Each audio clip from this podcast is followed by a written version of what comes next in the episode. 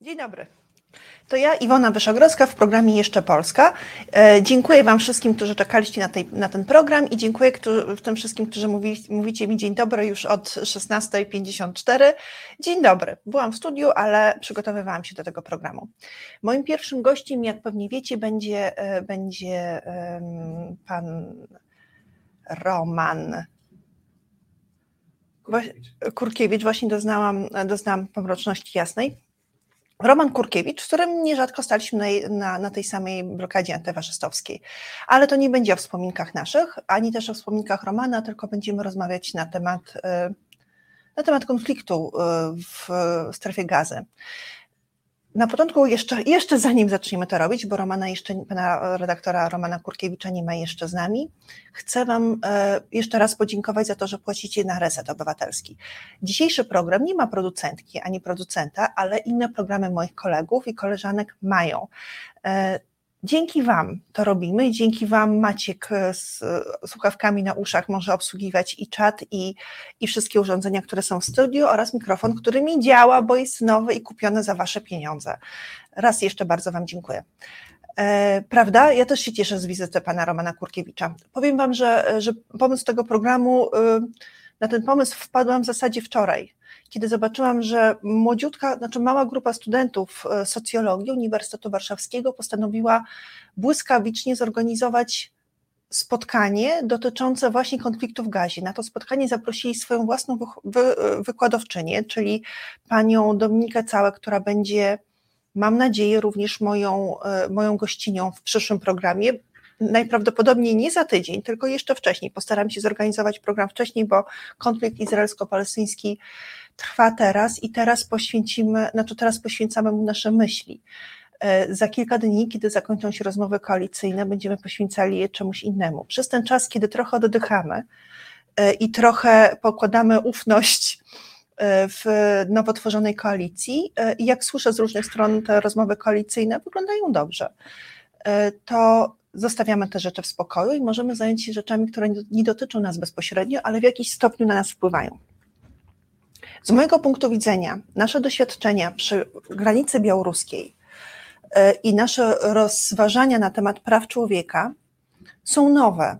Mi, mnie samej dodały ono, one sporo wiedzy oraz jakby takiego poczucia sensu.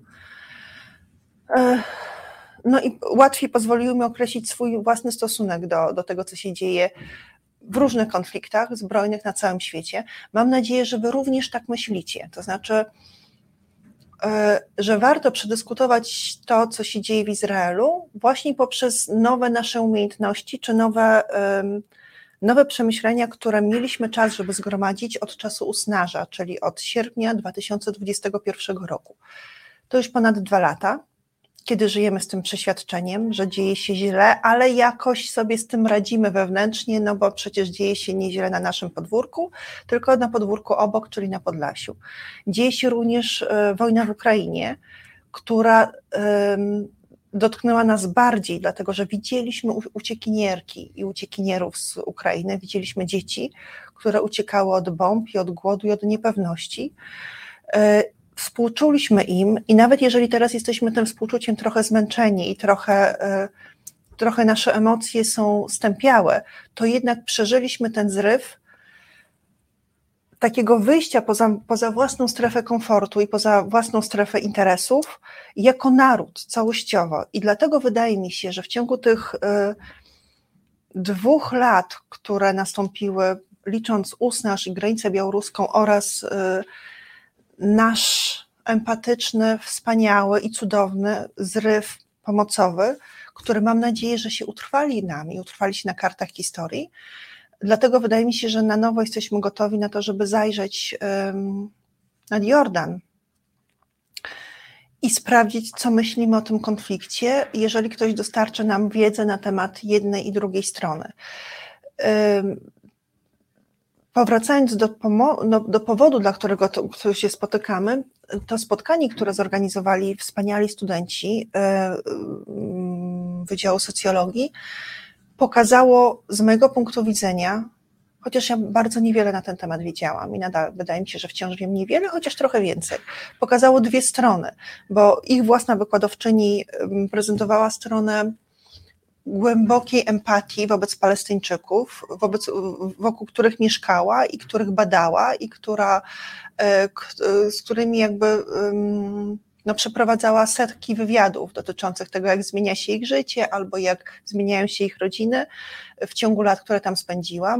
Wyjeżdżała tam dosyć często, bo, bo badała ten problem również jako pracowniczka uniwersytetów e, Wielkiej Brytanii oraz profesora Bilewicza, który jest absolutnie uznanym um, autorytetem w dziedzinie badaw, badań postaw antysemickich.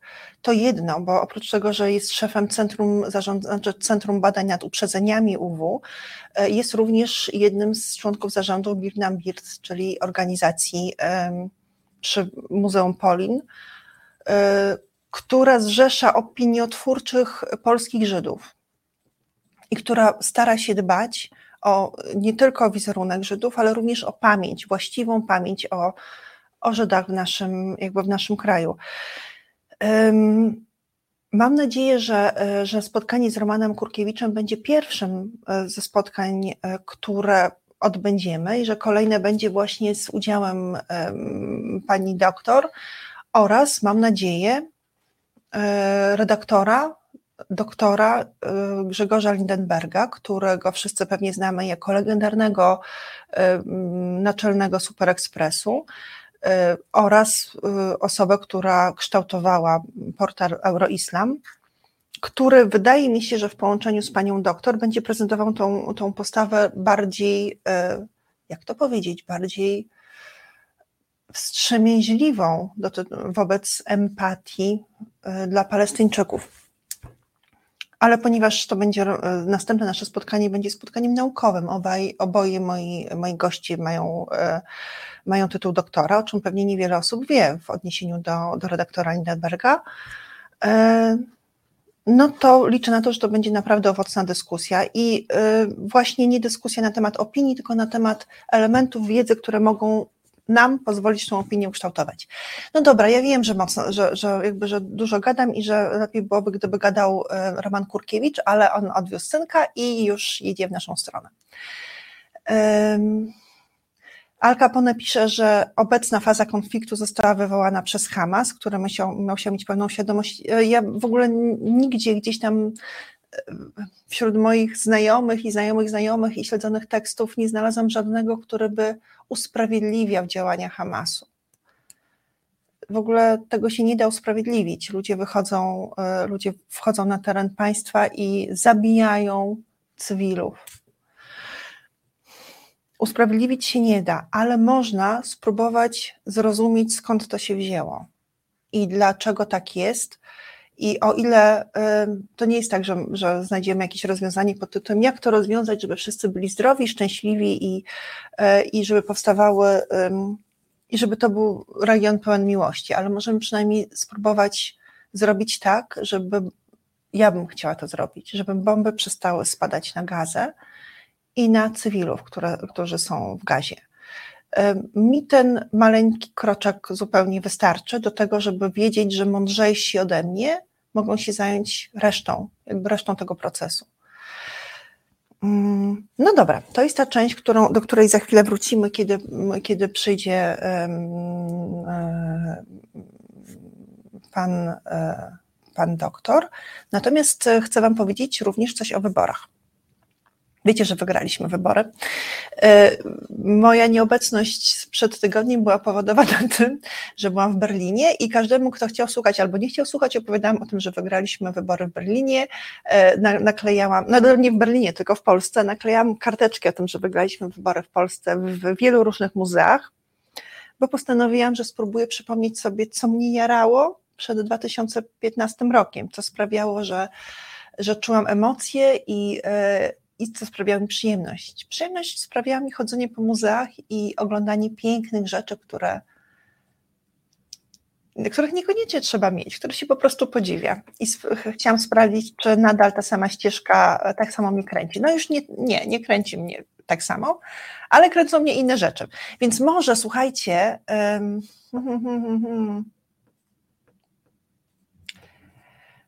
no tak, nikt nie będzie usprawiedliwiał Hamasu, ale to yy, spotkałam się z takimi, z takimi znaczy jest jakieś takie podejście mówiące o tym, żeby nie mówić, e, nie mówić o, o, tym, o tej strasznej sytuacji, w której giną osoby po obu stronach, czyli te e, Żydzi, cywile żydowscy, którzy zginęli 7 października, wymordowani przez Hamas i cywile palestyńscy, które, którzy od tego 7 samego października giną po, e, po drugiej stronie, czyli giną w strefie gazy zapanowała taka, znaczy my temu przede wszystkim nie poświęciliśmy temu czasu, dlatego że tydzień później były nasze wybory i nawet ja o tym nie, o tym nie mówiłam.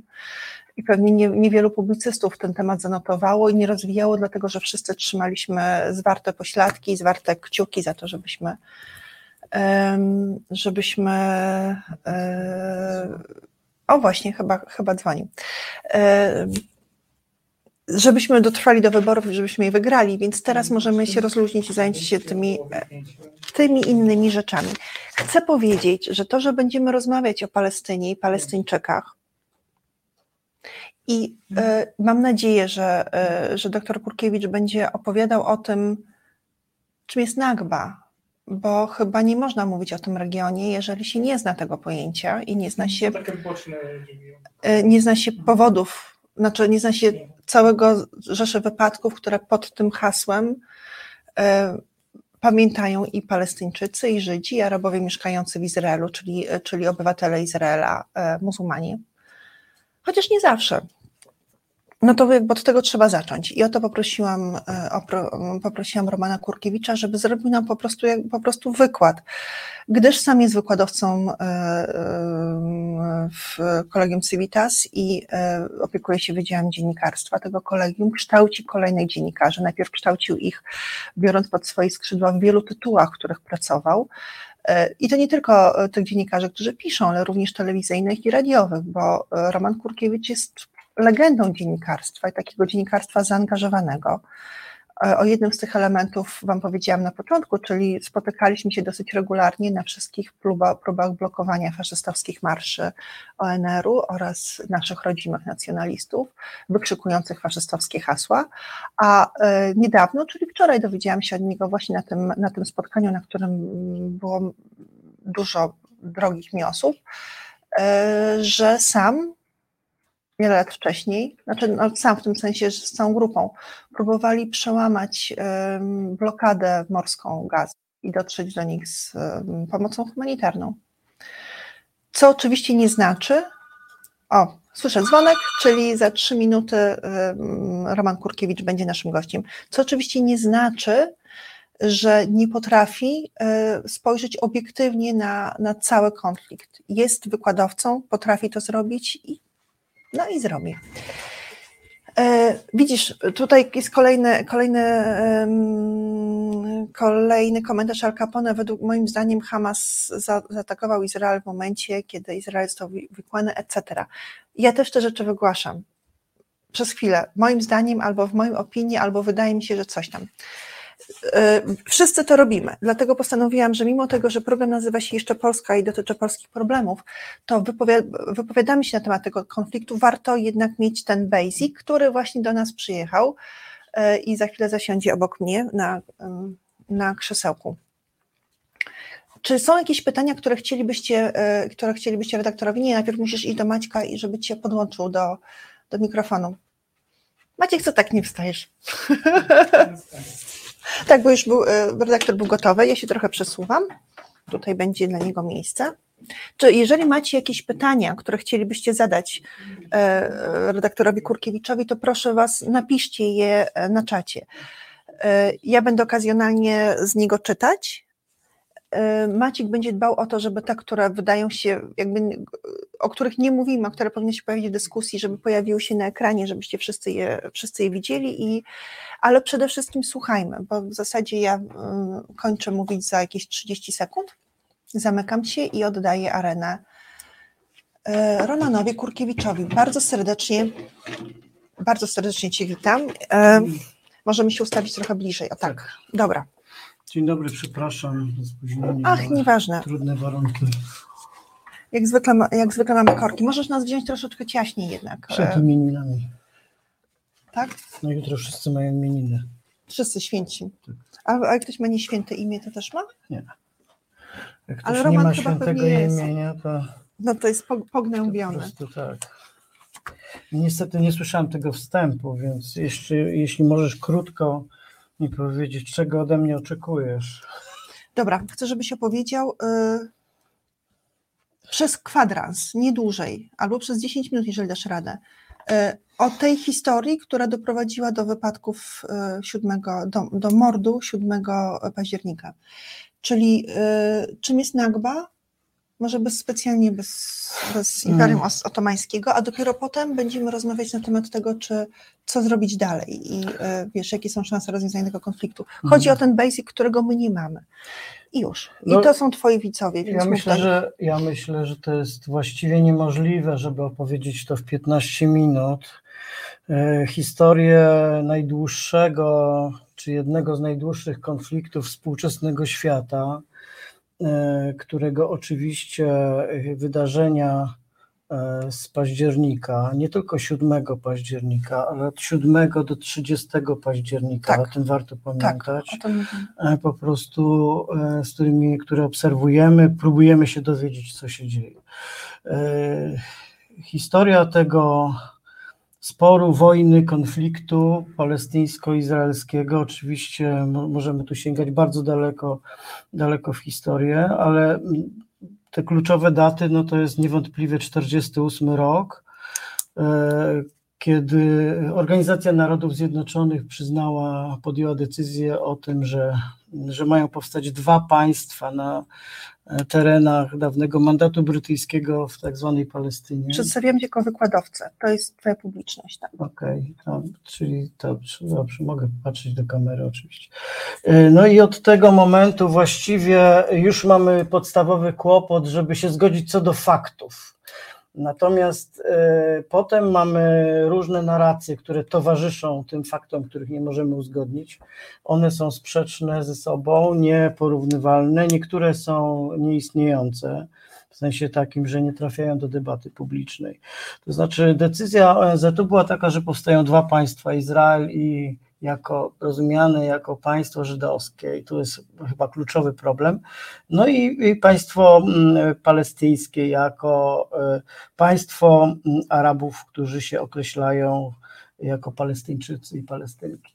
E, No, w konsekwencji tego, co się działo po tej decyzji, która była wielką batalią też międzynarodową, polityczną, powstało państwo Izrael, które, a nie powstała Palestyna i nie powstała do dzisiaj. E, I cóż, e, mm, dla Palestyńczyków ten moment, kiedy powstaje państwo Izrael, to jest nagba, czyli określenie takiej tragedii, dramatu, wypędzenia. Ponad 700 tysięcy osób zostało wygnanych ze swoich wiosek, miejsc zamieszkania. E, To 700 się 700 tysięcy. ponad To są, 700 tysięcy, 750 tysięcy mniej więcej. I to są źródła izraelskie. O tym mówiła wczoraj doktor, doktor Znaczy, to, są, to akurat jest powszech, wiedza Tak. powszechna już dzisiaj. E, Też jest tak, że e, wymiar mm, zbrodni wojennych, który się dokonał przy Nagbie, przez wiele lat był objęty milczeniem. To słowo się nie, nie pojawiało oczywiście w mediach izraelskich w żadnej formie. Samo zjawisko było negowane.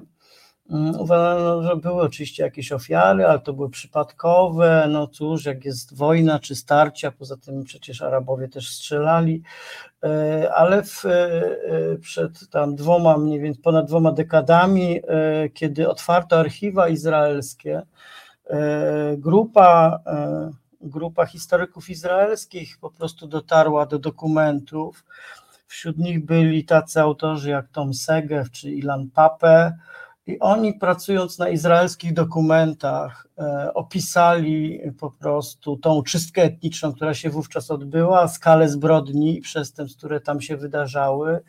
No i te potworności, które wcześniej były absolutnie negowane, no już dzisiaj, przynajmniej w świecie akademickim, czy w świecie takiej debaty, która nie jest czysto ideologiczna, mm, no są, są czymś niepodważalnym.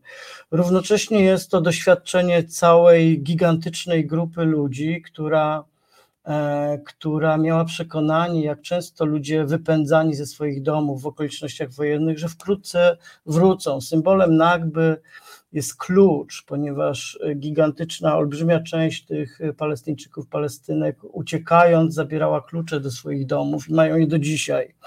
Mają je kolejne pokolenia, które są uchodźcami, uchodźczyniami.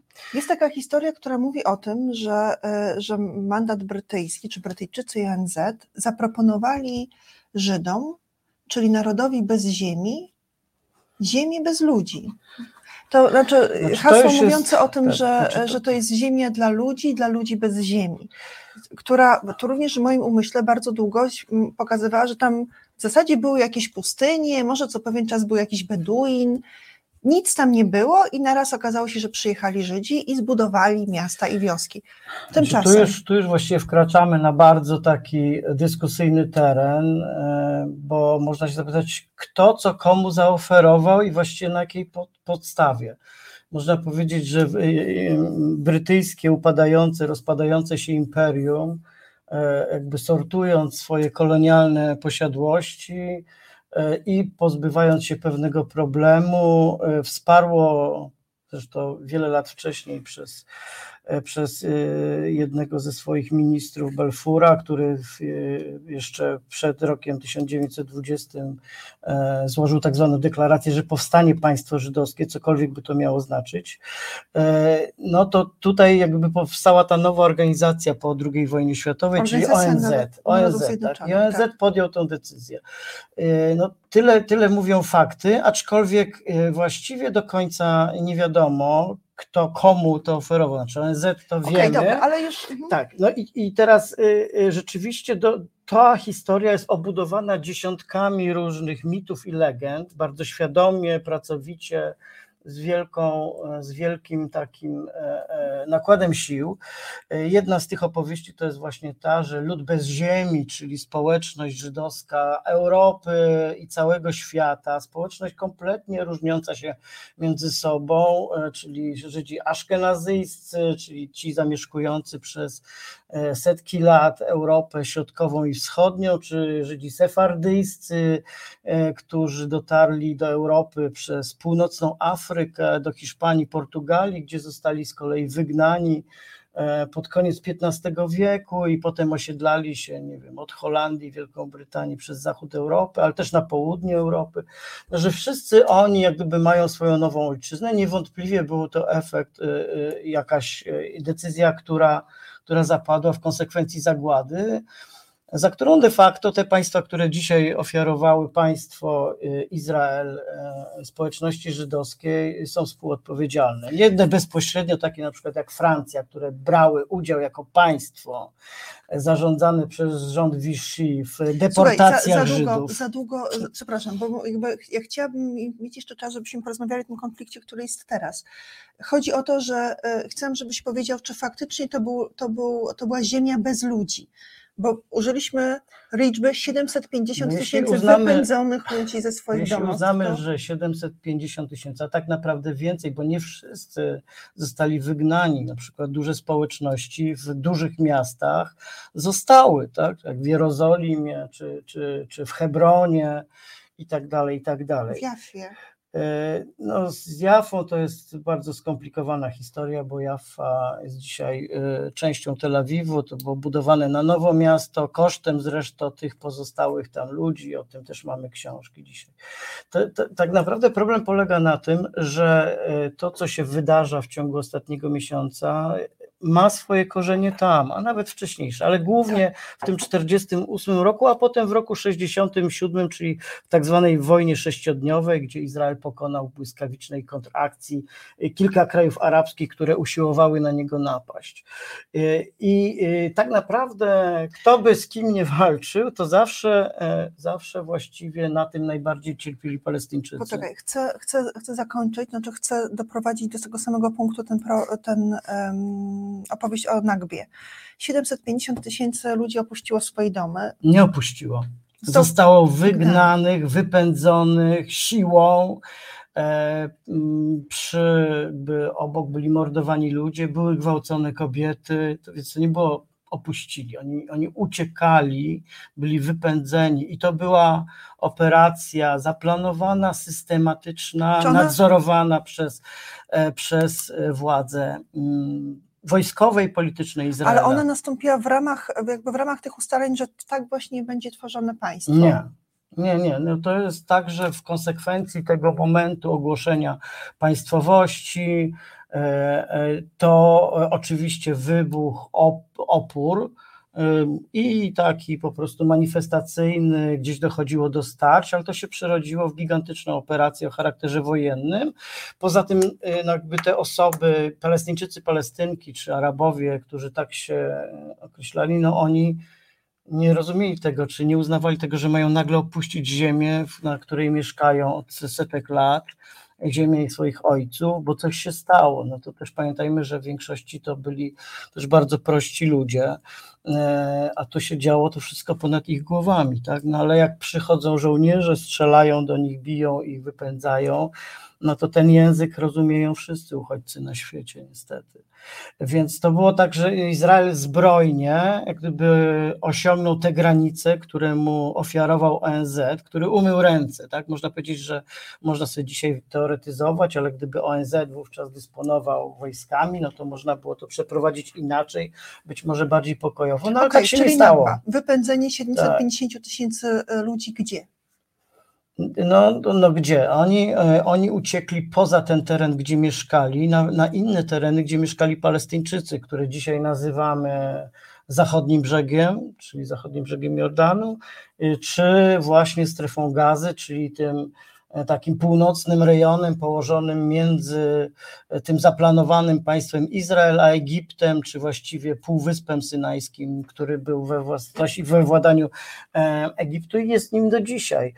Więc to były te dwie przestrzenie, gdzie ludzie uciekli. Duża ich część, olbrzymia część uciekła właśnie do miejsca, które dzisiaj nazywamy strefą gazy, czyli to jest miejsce też, które jest zaludnione przez uchodźców od zawsze E, warto może pamiętać, może y, część z Państwa sobie nie zdaje sprawy, że Gaza jako miasto jest jednym z najstarszych miast na Ziemi. To jest miasto, które ma 7 tysięcy lat historii. 7 tysięcy lat. E, no to, o, nie, to wcześniejsze niż egipskie, to w ogóle jakieś znaczy, hetyckie państwo. Nie, babilońskie. Chodzi o to, no dobra. Tak, generalnie w tym miejscu początki E, kultury miejskiej sięgają do 5 tysięcy lat przed e, naszą erą, tak Dobrze. zwaną, czyli mamy 7 tysięcy lat kultury tego miejsca, które w 1948 roku straciło kompletnie swój e, charakter, czyli po prostu zostało zapełnione ludźmi, którzy uciekali E, którzy, jak się okazało, byli bez ziemi, to znaczy z tej ziemi, na której byli właścicielami, której, której żyli, którą uprawiali. I no która prostu... nie była pustynią niezaludnioną, tylko przestrzenią, w której żyły, żyło, jak rozumiem, co najmniej 750 tysięcy osób. No tak, oczywiście, no to jest, jest, jest, pustynia, no to jest oczywiście takie określenie, które, e, które ma przecież wiele znaczeń.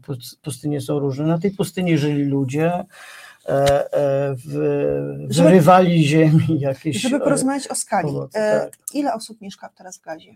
No dzisiaj się szacuje, że to jest blisko 2 miliony 300 tysięcy osób.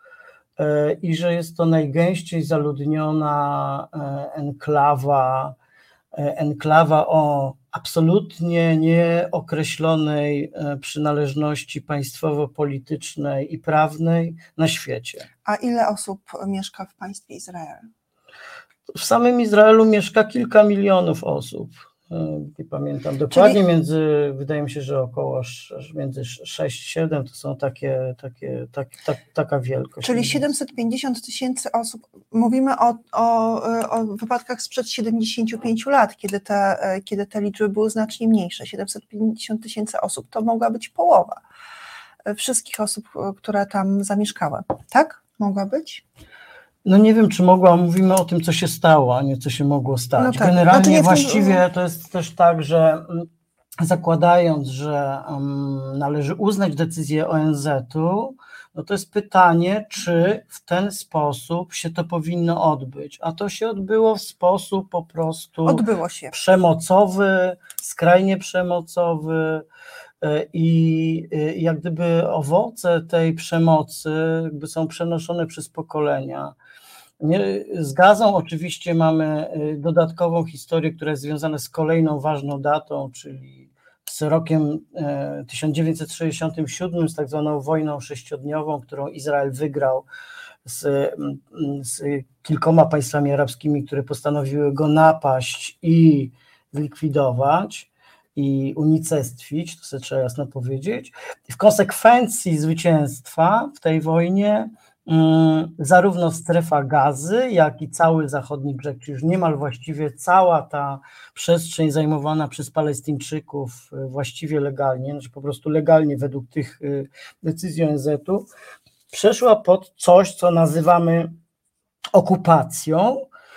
Y, I okupantem jest Izrael, aczkolwiek już przy słowie okupacja trwa gigantyczny spór, tak?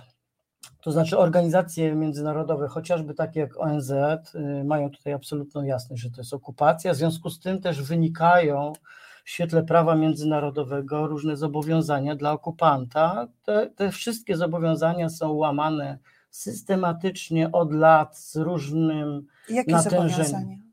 No to są takie zobowiązania, że okupant nie może przesiedlać, prześladować, nie może, e, nie może jakby uniemożliwiać normalnego życia i tak dalej, i tak dalej. Tak? To są dziesiątki zapisów, e, które mówią, e, na przykład też głównym zapisem, który dzisiaj jest też źródłem Dziękuję konfliktu. Robsonak. Dziękuję za, za te 3 miliony mieszkańców, którym było w 1970 roku. Co prawda my mówimy o wypadkach Nakby z 1948, ale nadal widać, że te 750 tysięcy osób, które wypędzono po to, żeby można było budować tam państwo e, żydowskie, e, to była po prostu potężna liczba. To, Czy y, to, co chciałem powiedzieć, to, że, że tym głównym takim prawem, które Izrael łamie świadomie, intensywnie, szczególnie w ostatnich latach, jest to, że na tych ziemiach okupowanych okupant nie może e, osiedlać swoich obywateli. Tak? Natomiast dzisiaj e, szacuje się, że liczba tak zwanych nielegalnych osadników sięga chyba 900 tysięcy tak, 900 tysięcy. W pewnym momencie, konkretnie w 2007 roku, Izrael uznał, e, władze Izraela uznały, że e, obecność obywateli Izraela żydowskich w Gazie, którzy tam mieszkali, jest dla nich zbyt niebezpieczna. Dochodziło do konfliktów, do e, do napadów, do zbrodni również, do zabójstw. To był teren, gdzie było po prostu bardzo niebezpiecznie. dla Żydów. I, i tak, tak, dla Żydów, ale znaczy dla, właśnie, tu, właśnie cały czas mamy ten podstawowy kłopot, o kim my mówimy właśnie. Czy my mówimy o państwie demokratycznym, jakby nie było, które się nazywa Izrael. I wśród jego obywateli mamy też e, e, dużą, czyli 20% blisko e, mm, obywateli arabskich czy palestyńskich, czy mówimy o jakiejś mitycznej narodowości, która to samo to pojęcie jest po prostu źródłem e, największych nieszczęść XX wieku, a, a w tym miejscu ciągnących się do dzisiaj. E, Co to, Czyli- jest, co to jest naród żydowski, to nikt nie wie. Nie, nie, no, znaczy ja, ja myślę, że mnóstwo osób wie, co to jest naród Nie, żydowski. nie, nie, nie, nie, nie, jakby- nikt nie wie. e, Uznajmy, że naród żydowski jest tym, za co państwo go uważacie i za to też ja go uważam. Ja nie chcę wchodzić w takie No tak, ale mamy, no, razie- prawo razie- międzynarodowe, które się nie zajmuje takimi rzeczami. Poczekaj, na razie wiemy, że 20% e, mieszkańców, e, o- obywateli Izraela to jest ludność arabska, Tak. co nie znaczy, że muzułmańska. To też jest istotne, czego się dowiedziałam oczywiście, wczoraj, Dlatego, że, że... duża część Palestyńczyków e, to byli chrześcijanie, tak? tak, To byli że, chrześci- że w 1948 roku na terenie Gazy 40%. 40% to, były, to byli chrześcijanie. Tak, no ale co z tego wynika, przepraszam? Na to przykład jakby- wynika to, że rozumiem zdjęcia, które pojawiają się z Palestyny, które pokazują o tym, jak następują w dramatycznych okolicznościach wspólne chrzty dzieci, które jeszcze nie zostały chrzczone. I pomyślałam, chrzty dzieci w Palestynie i dopiero kiedy wczoraj usłyszałam o tym, że, e, że w, w latach 40. i 50.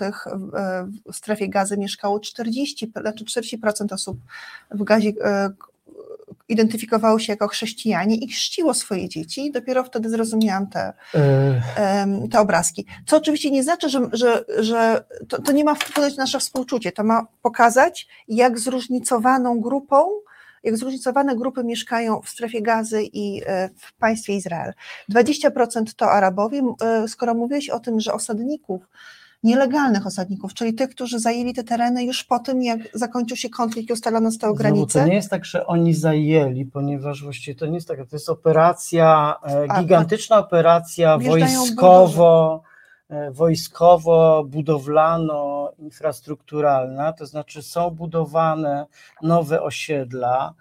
To jest wszystko, to są bardzo konkretne decyzje polityczne i powoli te e, osiedla po prostu zajmują coraz większą przestrzeń, równocześnie w jakimś momencie zaczynają być odgradzane murem e, od, e, od tych wiosek, które są w, w okolicach, gdzie mieszkają Palestyńczycy. Równocześnie powstaje charakterystyczna dla systemu apartheidu e, sieć dróg dostępnych tylko dla Izraelczyków oraz innych dla Palestyńczyków. I to jak gdyby ten cały zachodni brzeg jest po prostu poszatkowany w taki sposób, że to są pooddzielane od siebie całe enklawy, typu ktoś mieszka w wiosce, ale jego pole, które uprawia, już jest za drogą, przez którą on nie ma przejścia ani dojazdu. Tak? I w tym sensie to się zaczyna w sposób tak niezwykle intensywny i e, Izrael nigdy nie reagował na międzynarodowe głosy, które pokazywały, że jest to naruszenie prawa międzynarodowego, że to jest naruszenie reguł, które obowiązują i które spadają też na niego jako na E, okupanta tego, tego terenu. Tak? I w tym sensie właściwie dzisiaj się mówi to, co też e, podczas wczorajszego spotkania e, powiedziała, powiedziała Doktor Dominika, Dominika Blachnicka-Ciacek, że, że właściwie dzisiaj trudno sobie wyobrazić powstanie państwa palestyńskiego. Przypomnę, że tu takie scenariusze były rozpatrywane ONZ podjął decyzję o dwóch państwach.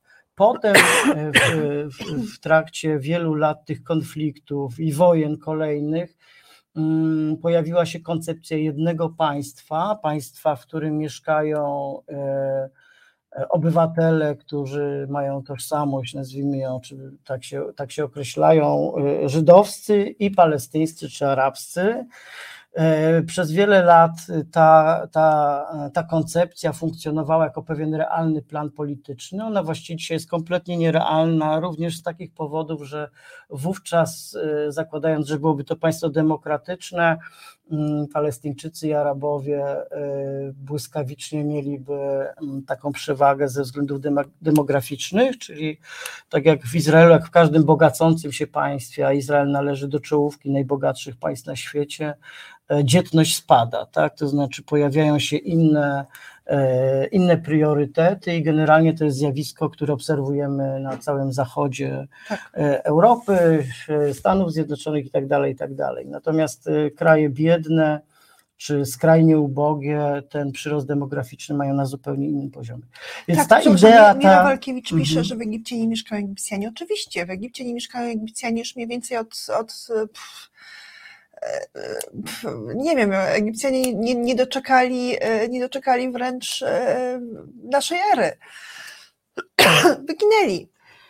Mieszkają tam Arabowie, ale to jakby to nie jest jakby istotne. Mhm. Poczekaj, jest taki komentarz e, Henryka, który mówi o tym, że cała ta strefa to jest jeden DPS, czyli e, nazwał to DPS-em pogardliwie, czyli jak rozumiem pogardliwie. Chodzi o to, że ona nie jest w stanie sama się utrzymać, tylko utrzymuje się z pomocy humanitarnej. Czy to prawda? E, no bo to jest takie, to jest jakby taki, nie wiem, jeśli to jest złośliwa uwaga, to właśnie mi się w ogóle nie chce odpowiadać. Ale nie, to. to nie chodzi o to, że ona chodzi że to, o to, jest złośliwa, to, to chodzi o to, że ludzie mają taką, Gaza takie pytanie. jest więzieniem. Gaza od 2007 roku objęta jest całkowitą blokadą granic oraz przestrzeni morskiej zresztą bardzo się zawężającej. Gaza, jak każdy, która nie jest, Gaza w ogóle nie jest państwem, tak? Gaza Strip, czyli strefa gazy nie jest państwem, jest nie wiadomo jakim bytem y, na, na mapie politycznej. Ona cała jest odgrodzona. Można powiedzieć, no ale przecież e, strefa gazy graniczy również z Egiptem. Owszem, graniczy z Egiptem i jest tam przejście w Rafach, natomiast to przejście właściwie przez większość, przez nie wiem, 90% czasu w, tych, e, w tym okresie, kiedy Gaza jest, e, w której nie mieszkają już Żydzi czy Izraelczycy, jest nieczynne, nieprzepuszczalne i to jest związane oczywiście z geopolityką i z, z pewnego typu rozwiązaniami, które wynikają z relacji Izraela ze Stanami Zjednoczonymi, ponieważ Egipt, e, no... Gener... Poczekaj, ale to powodem, bo ja chcę to wyjaśnić, to, znaczy pewne rzeczy gdzieś tam zawisają w powietrzu jako oczywiste, ale być może nie dla wszystkich. Skoro to jest wąski pasek lądu, który jest zamknięty z każdej strony, to mhm. on sam nie wykształci w sobie gospodarki, elektrowni, e, nie wiem, energetyki, sektoru na przykład naprawy albo budowy samochodów. Y, no, Dlatego wszystkie te rzeczy znaczy muszą być dostarczane z zewnątrz. I to nie jest tak, że oni by się, znaczy, że nie wiem, powinni się wziąć za siebie i na przykład i wybudować sobie elektrownię, która będzie zasilała ich w prąd. Bo nie mają z czego wybudować elektrowni, dobrze myślę? Przecież to jest trochę tak, jakbyśmy. Znaczy, no to jest trochę takie pytanie, dlaczego e, w więzieniach, w ciężkich więzieniach w Polsce na przykład nie rozwija się, rozwijają się ogrody, rolnictwo, przemysł, innowacje technologiczne. No to jest pytanie, mamy zamkniętą absolutnie przestrzeń. Wszystkie towary, które dostają się tam legalnie, a dostawały się, lub na przykład energia, która była sprzedawana E, przez Izrael, trzy sieci telekomunikacyjne, które umożliwiają kontaktowanie się e, ludziom przez telefon, e, były z zewnątrz, były kontrolowane i dostarczane przez Izrael. Izrael na pstryknięcie palców de facto może wyłączyć do, do, do, do, dopływ prądu. Co zrobił? Co zrobił. E, oczywiście trwają dyskusje na temat tego, co jest z wodą, no ale ponieważ Gaza jest małym, zanieczyszczonym potwornie miejscem, gdzie się też e, e, przecież tam nie, nie, nie ma jak dbać w tych warunkach o jakiekolwiek ekologiczne rozwiązania. Więc problem wody jest fundamentalnym problemem w, w strefie gazy.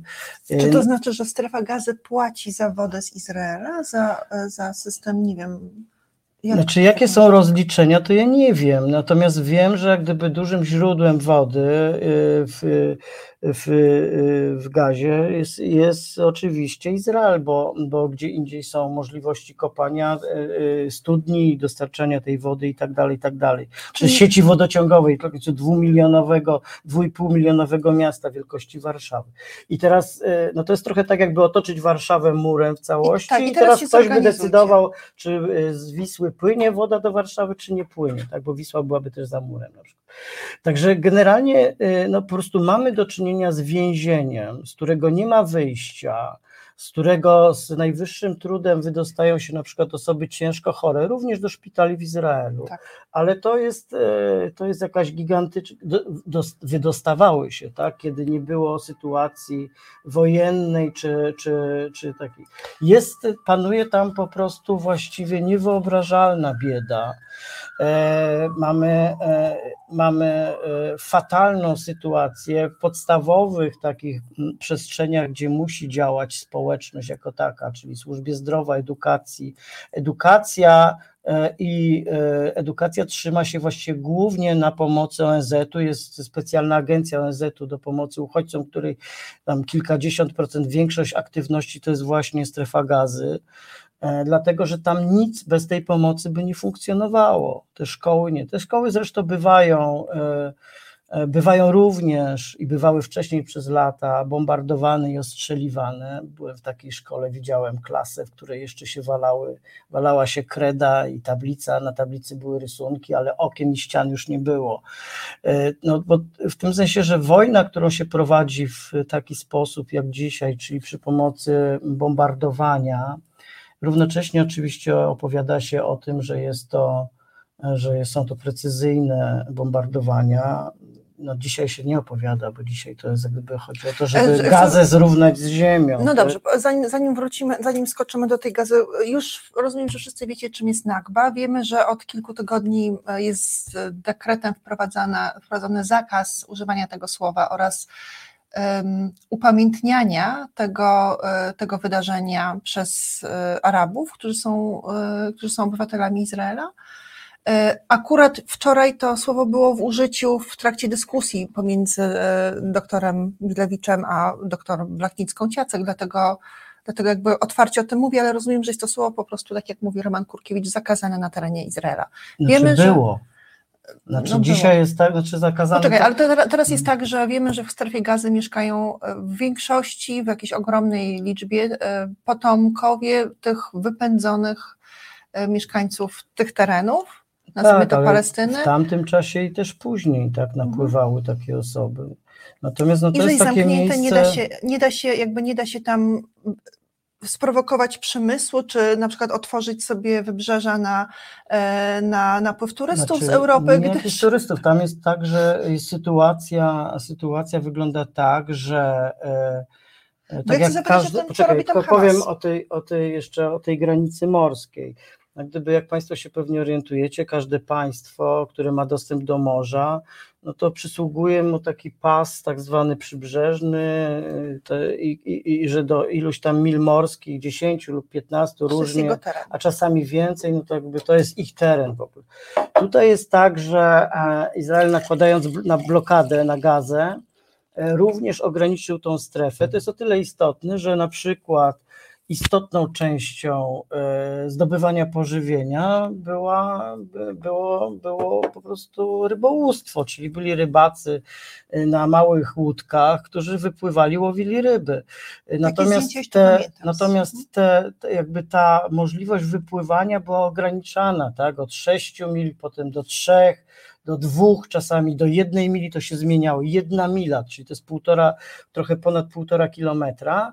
I właściwie to było tak, że kiedy rybacy wypływali, bardzo często ich łodzie były po prostu ostrzeliwane. Czyli de facto e, możliwość łowienia ryb e, też nie istniała. Więc, e, więc jakby to, ta blokada Dobrze. była taka, To że już, poczekaj. do e, gazy nie przypłynął w ciągu tych kilkunastu lat, y, lat żaden statek z zewnątrz. A ty próbowałeś przepłynąć do Nie, to nie jest tak, że ja próbowałem. Ja y, y, w związku z tym, że jakby ten ruch oporu y, czy protestów y, w Europie, ale też na świecie przeciwko blokadzie gazy, która po prostu była czymś nieludzkim, to jednym z, jednym z takich politycznych pomysłów związanych z taką walką bez przemocy było zorganizowanie czegoś, co się nazywało Flotyllą Wolności w 2010 roku.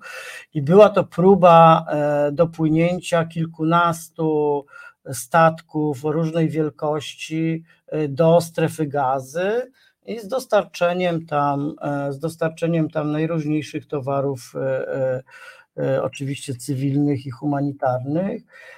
W 2010 roku ta, to się skończyło tym, że na wodach międzynarodowych izraelska armia dokonała abordażu na statek turecki, który był chyba największym z tych płynących statków. Tam doszło do starć z tymi aktywistami, którzy byli na, na pokładzie, i wówczas komandosi izraelscy zastrzelili dziewięć osób. E, Natomiast pozostałe statki zostały zatrzymane w taki czy w inny sposób. Oczywiście blokada gazy nie została przerwana. E, Te wydarzenia, jak mówię, e, to jest o tyle istotne, że one miały miejsce na wodach międzynarodowych, tak? E, Więc Izrael po prostu nie ma prawa, chyba że przyznajemy jakieś dodatkowe prawa Izraelowi. Zresztą tak samo jak Amerykanie sobie przyznają sami takie prawa. Dobra, poczekaj, Mhm. poczekaj, poczekaj, bo musimy się spieszyć, e, gdyż No nie mam pojęcia Zawsze dlaczego. się musimy. A, Dlaczego? a może właśnie dla, e, spotkajmy się jeszcze raz. Na razie, na razie jest tak, że, że spodziewam się gościa za jakieś 25 minut. Mm. Dlatego chcę, żebyśmy odpowiedzieli na pytanie, żebyś ty odpowiedział na pytanie, czym jest Hamas.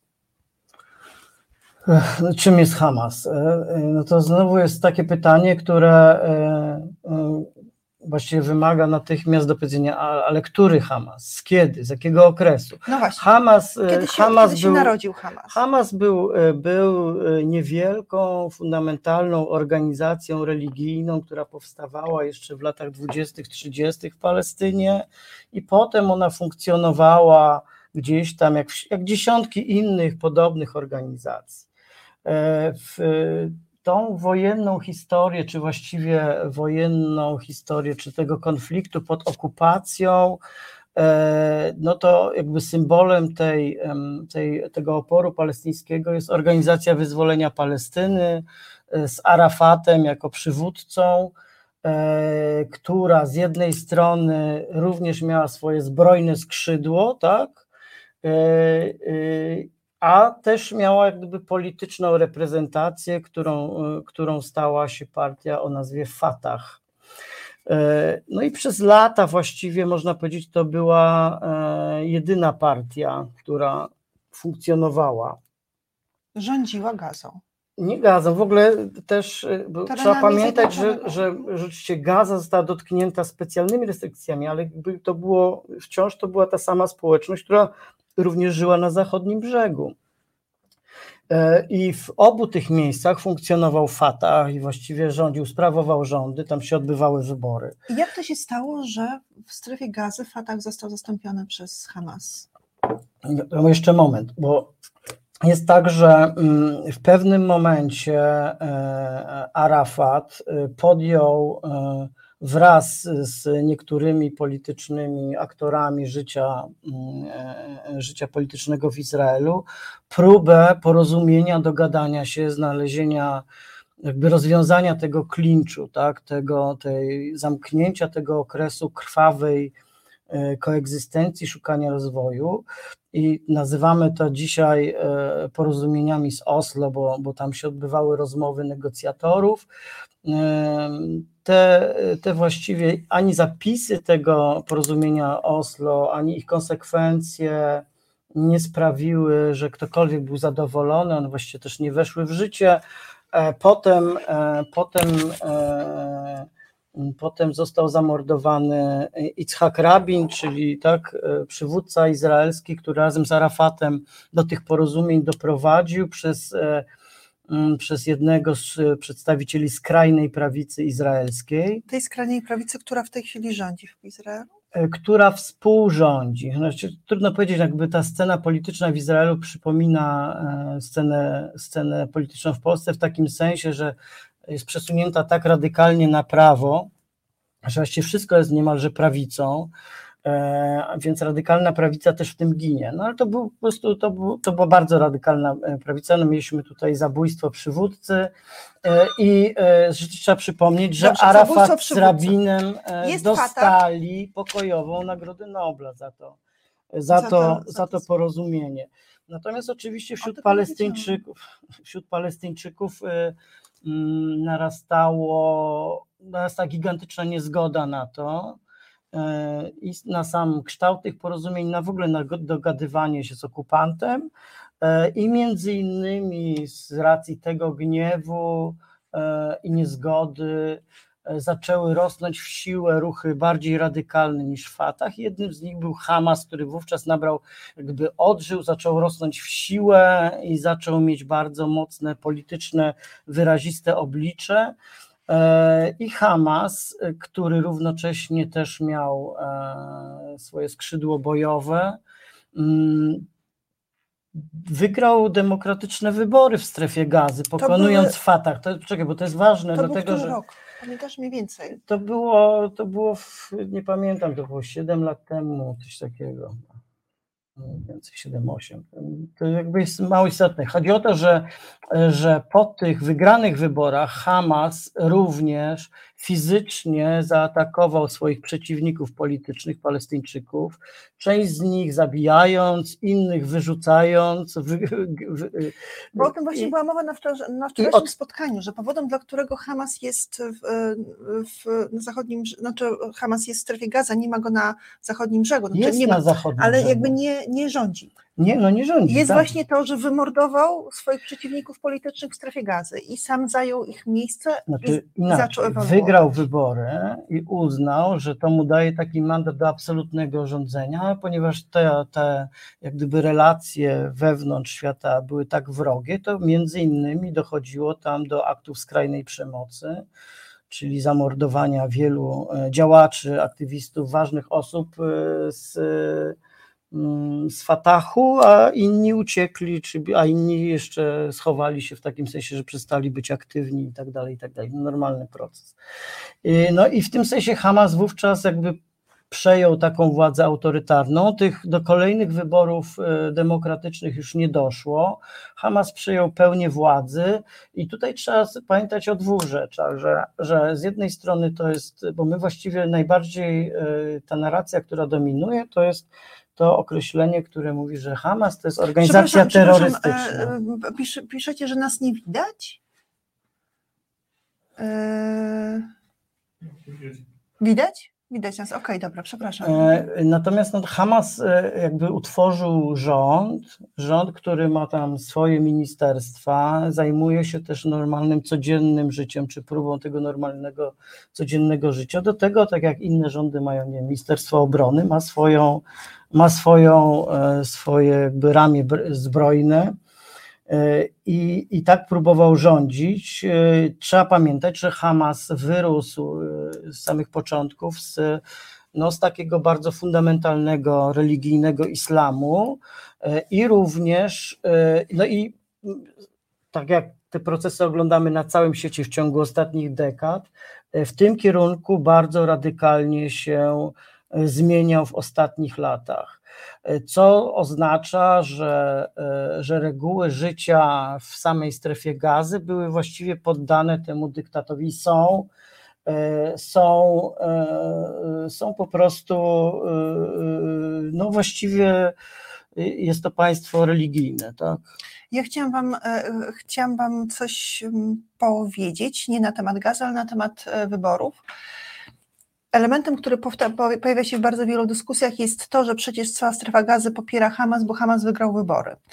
E, I chcę Wam powiedzieć, że w 2019 roku e, PiS również wygrał wybory dzięki systemowi, który, który zastosowaliśmy, systemowi Donta. 42% głosów, które przypadło PiSowi, dał mu władzę absolutną nad całym parlamentem. E, A przy frekwencji, e, która nie dochodziła do 60% z tamtego okresu, oznaczało to, że niespełna 30% Polaków głosowało na PiS, co oznaczało przez kolejne 4 lata, wcześniejsze też, ale przez kolejne 4, że, że PiS ma władzę absolutną i nieograniczoną i zaczęliśmy myśleć o tym, że następnych wyborów może już nie będzie. Jeżeli będziecie e, uczestniczyć w dyskusjach mówiących o tym, że Hamas wygrał wybory, my niestety nie znamy, czy ja nie wiem, pewnie Roman też nie wie, jakie były proporcje związane z tym, ile osób głosowało na Hamas i czy mogli ale to- głosować wszyscy dorośli ludzie, czy na przykład nie, Nie, nie, no. tylko, nie, nie tylko mężczyźni, ale e, No ale to jest drugorzędne. bo tak, w, to mogło- w, systemie politycznym, który tam funkcjonował, on dopuszczał na takich czy innych zasadach, jakby w każdym kraju inne są zasady demokratycznych wyborów, e, e, to, że te partie ze sobą e, po prostu walczyły, czy tam ścierały się, no wygrał Hamas, który, który w tym momencie urósł bardzo w siłę, miał wówczas poparcie wystarczającej większości, żeby te wybory wygrać, to przecież zostało uznane. I w tym sensie mieliśmy w państwie, które nie istniało, czyli w Palestynie, rządy na zachodnim brzegu Fatahu, a w strefie gazy Hamasu, tak,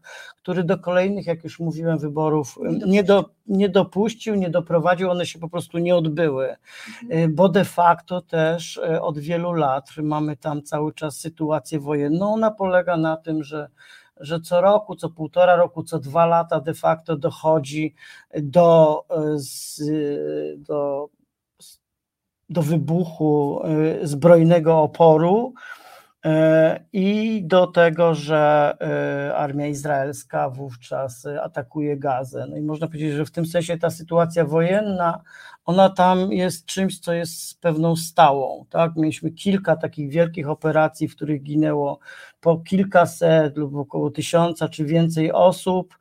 Ale rozumiem, że znaczy, mam nadzieję, że pani Jastrzębska dostała odpowiedź na swoje pytanie, czyli jak Hamas zajmuje się codziennym życiem. Roman mówił o tym, że to są normalne ministerstwa, zajmuje się dystrybucją no. rzeczy, które no, no, no tak, no to jest, to jest trochę tak, że, że, że to jest jakby mm, te rządy, mówimy o tym, że to jest rząd, ministerstwo, bo w tym sensie jak gdyby, ponieważ jest to kompletnie oddzielna terytorialnie przestrzeń zarządzana politycznie, no ale tak naprawdę no to można powiedzieć, że to jest zarządzanie wielkim miastem, tak? Mhm. No i w każdym mieście się ktoś zajmuje śmieciami, ktoś się zajmuje elektrycznością, ktoś się zajmuje komunikacją, jeśli w ogóle istnieje, ktoś się zajmuje szkołami, ktoś inny E, ktoś inny szpitalami, tak? No okay. i to jakby na tej zasadzie jest. Przepraszam, tak? Charlie Burton również może się odnieść do, do Twoich słów, nie dlatego, że, są, że to są akurat Twoje, tylko może sporo osób tak pomyśleć. E, w życiu nie porównuję PiSu do Hamasu. Opowiedziałam tylko o tym, jak sytuacja wyborcza, czyli oddania głosów na, e, jeżeli frekwencja wynosi 60%, a 40% bierze jakaś partia, powoduje to, że partia ma absolutną większość, znaczy przyjmuje całkowitą władzę. I przez e, kolejne 4 lata, wcześniej przez też kolejne 4, czyli w sumie przez 8 mówiliśmy o tym, że nie cała Polska głosowała e, za PiSem, wręcz mówiliśmy o tym, że większość osób głosujących głosowała przeciwko, ale, ale system, który tam, który przyjęliśmy, oddał władzę właśnie jednej partii. Co nie znaczy, że, ją, że je porównuje, tylko pokazuje, jak wygląda, jak, znaczy, kto przyjmuje władzę, kiedy mamy wybory. Dobra. No te wybory. Ale poczekaj, poczekaj, musi, mhm. bo, bo to jest tak, że musimy iść do brzegu. Jest ten moment, musimy teraz przeskoczyć z 48 roku z Nagby i z tej wiedzy, którą mamy, czyli o tym, kto tam zamieszkuje i jak wygląda sytuacja w, samym, w samej strefie gazy, wiedząc, że, um, że strefa gazy oraz zachodni brzeg oddzielone między sobą terytorium Izraela e, mają dwa ośrodki zarządzające. Jednym jest Hamas w zachodnim brzegu oraz y, Fatah E, znaczy mhm. na, w strefie gazy i Fatach na zachodnim brzegu. Na razie nie, nie, nie rozmawiamy o zachodnim brzegu, tylko o, e, o strefie gazy. 7 e, października bojownicy z Hamasu, których niektórzy nazywają terrorystami, niektórzy mówią o nich jako bojownikach.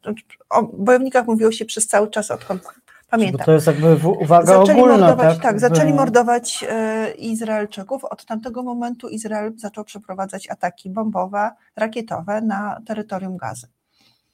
Co dalej z tym konfliktem?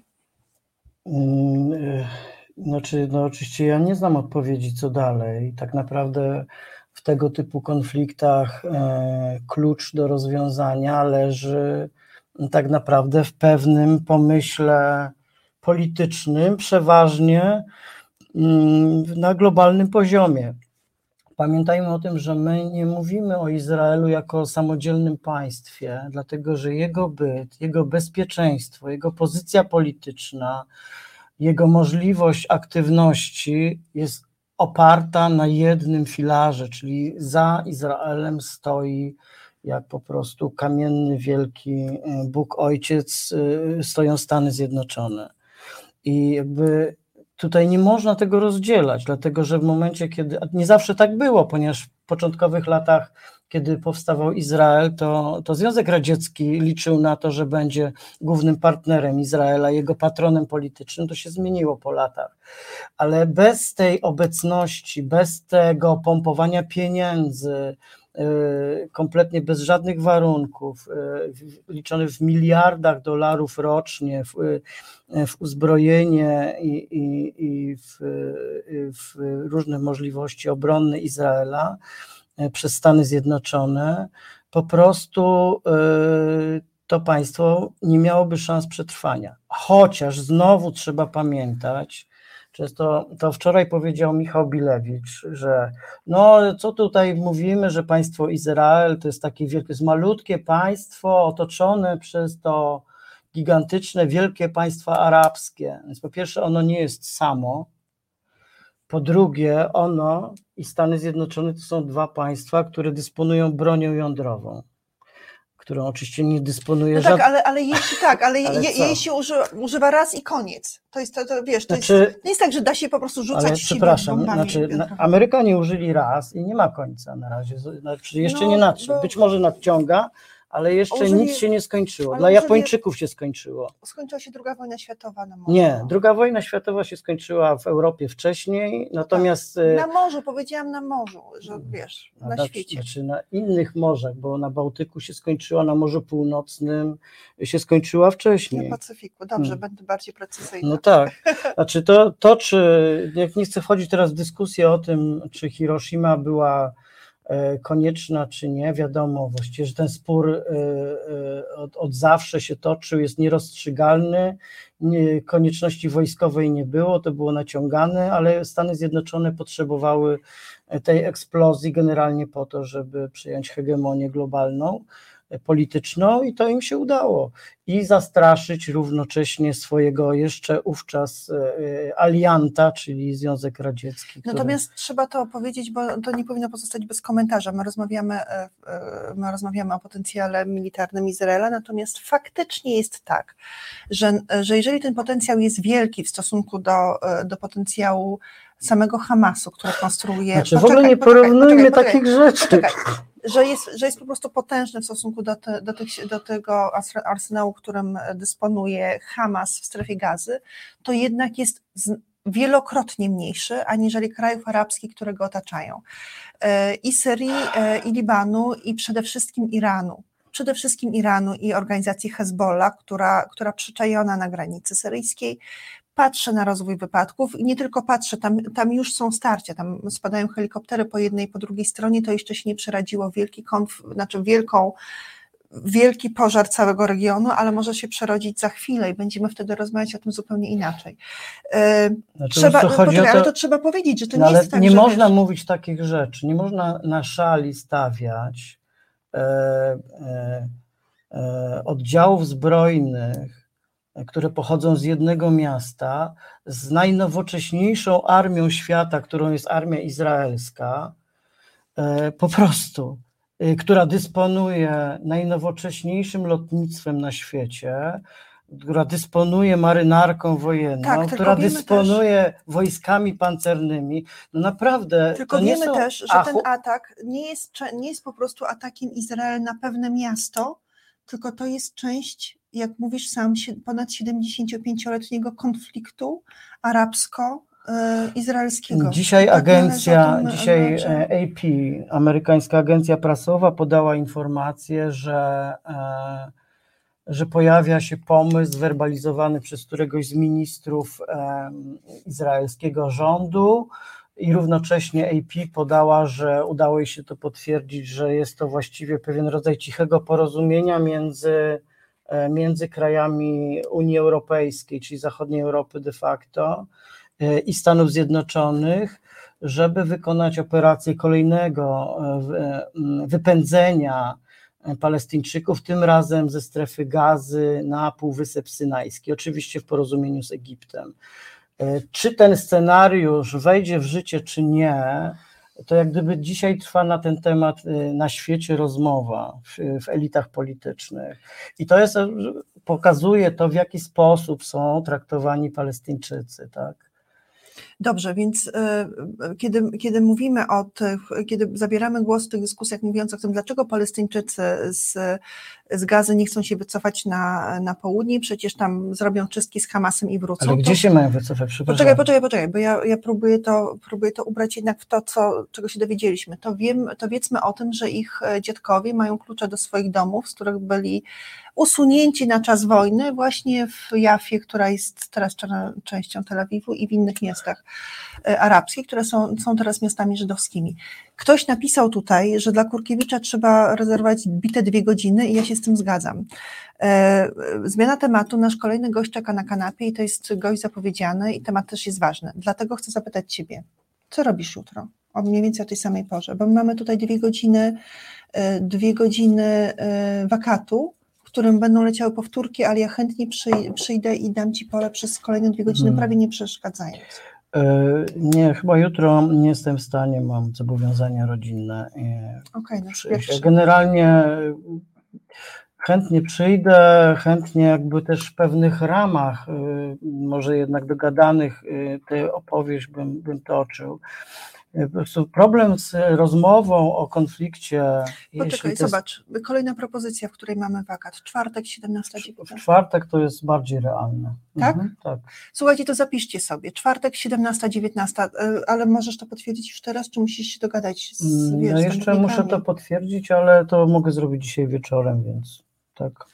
Super, to dzisiaj wieczorem pojawi się ta informacja. Bardzo was, Wam wszystkim dziękuję za to, że uczestniczyliście w tej dyskusji i dziękuję Tobie, Roman. Bardzo przepraszam, że ona była taka aż tak szybka. To jest faktycznie ogromny temat. Ja sobie zdawałam sprawę wczoraj już, że po dwóch godzinach ja wciąż jestem jakby nie, jestem w niedosycie informacji. ja dzisiaj nawet miałem taki pomysł, że przyniosę kilka takich książek, które ściągnę z półki yy, i tak. Yy, i nie tak. byłem w stanie unieść tej torby, więc ją zostawiłem. Natomiast rzeczywiście trzeba powiedzieć to co, to, co ja mówiłem, że nie mówimy o wydarzeniach e, Rut, 7, Rut, ja sobie to zapisałam, wiesz? 7 e, października, tylko mówimy o wydarzeniach od 7 tak. października do 30, 31 października i nie wiadomo jak długo trwających w listopadzie. Dzisiaj mamy 8 e, tysięcy ofiar cywilnych tak. w gazie i z tego jak dzisiaj e, e, przekazało Ministerstwo e, Zdrowia, to jest 3,5 tysiąca, to są dzieci. To są dzieci, dlatego że głównie w gazie mieszkają znaczy, dzieci. To w są, gazie połowa populacji to są dzieci i młodzież do lat 16 połowa populacji, czyli z tych 2 milionów 300 tysięcy, milion tam 100 tysięcy ponad to są dzieci i młodzież. Masakra w Srebrnicy, która przeszła do historii, której uczymy się w naszych, e, w naszych podręcznikach do historii, e, objęła 8300 osób. To byli bośniacy muzułmanie wymordowani przez Serbów. E,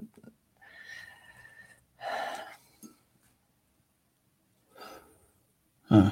Z 7, 7 października zginęło 1500 absolutnie niewinnych obywateli Izraela. Do tej pory zginęło ponad 8 tysięcy obywateli. Znaczy, myślę, że to nie chodzi o pojęcie niewinności, tylko mówimy, dzielimy jak gdyby. Nie byli żołnierzami, rozumiesz? No, nie walczyli na znaczy, froncie. Nie? Po pierwsze, tak, dzielimy to na ludność cywilną i wojsko, tak?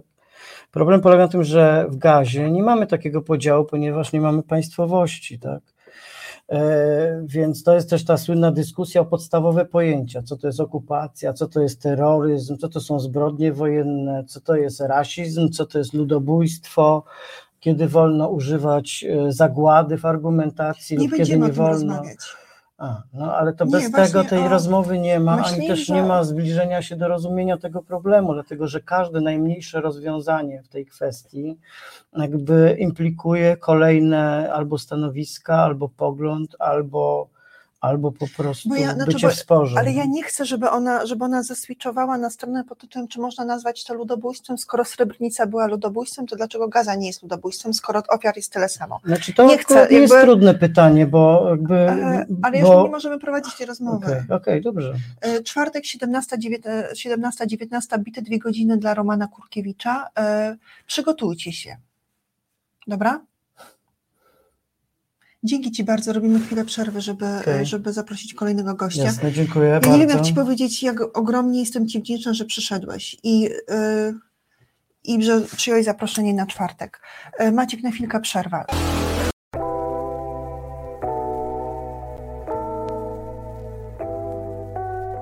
Cześć! Zapraszamy na festiwal Feminatywa, który będzie odbywał się we Wrocławiu od 10 do 17 listopada. Feminatywa to festiwal feministyczny o tematyce społeczno-kulturalnej. Bezpieczna przestrzeń dialogu kobiet na ważne współczesne tematy. Nie musicie czuć się kobietami, żeby wziąć udział w wydarzeniu. Festiwal otwarty jest na wszystkie osoby. Pozwólcie, żeby kobiety objaśniły Wam świat.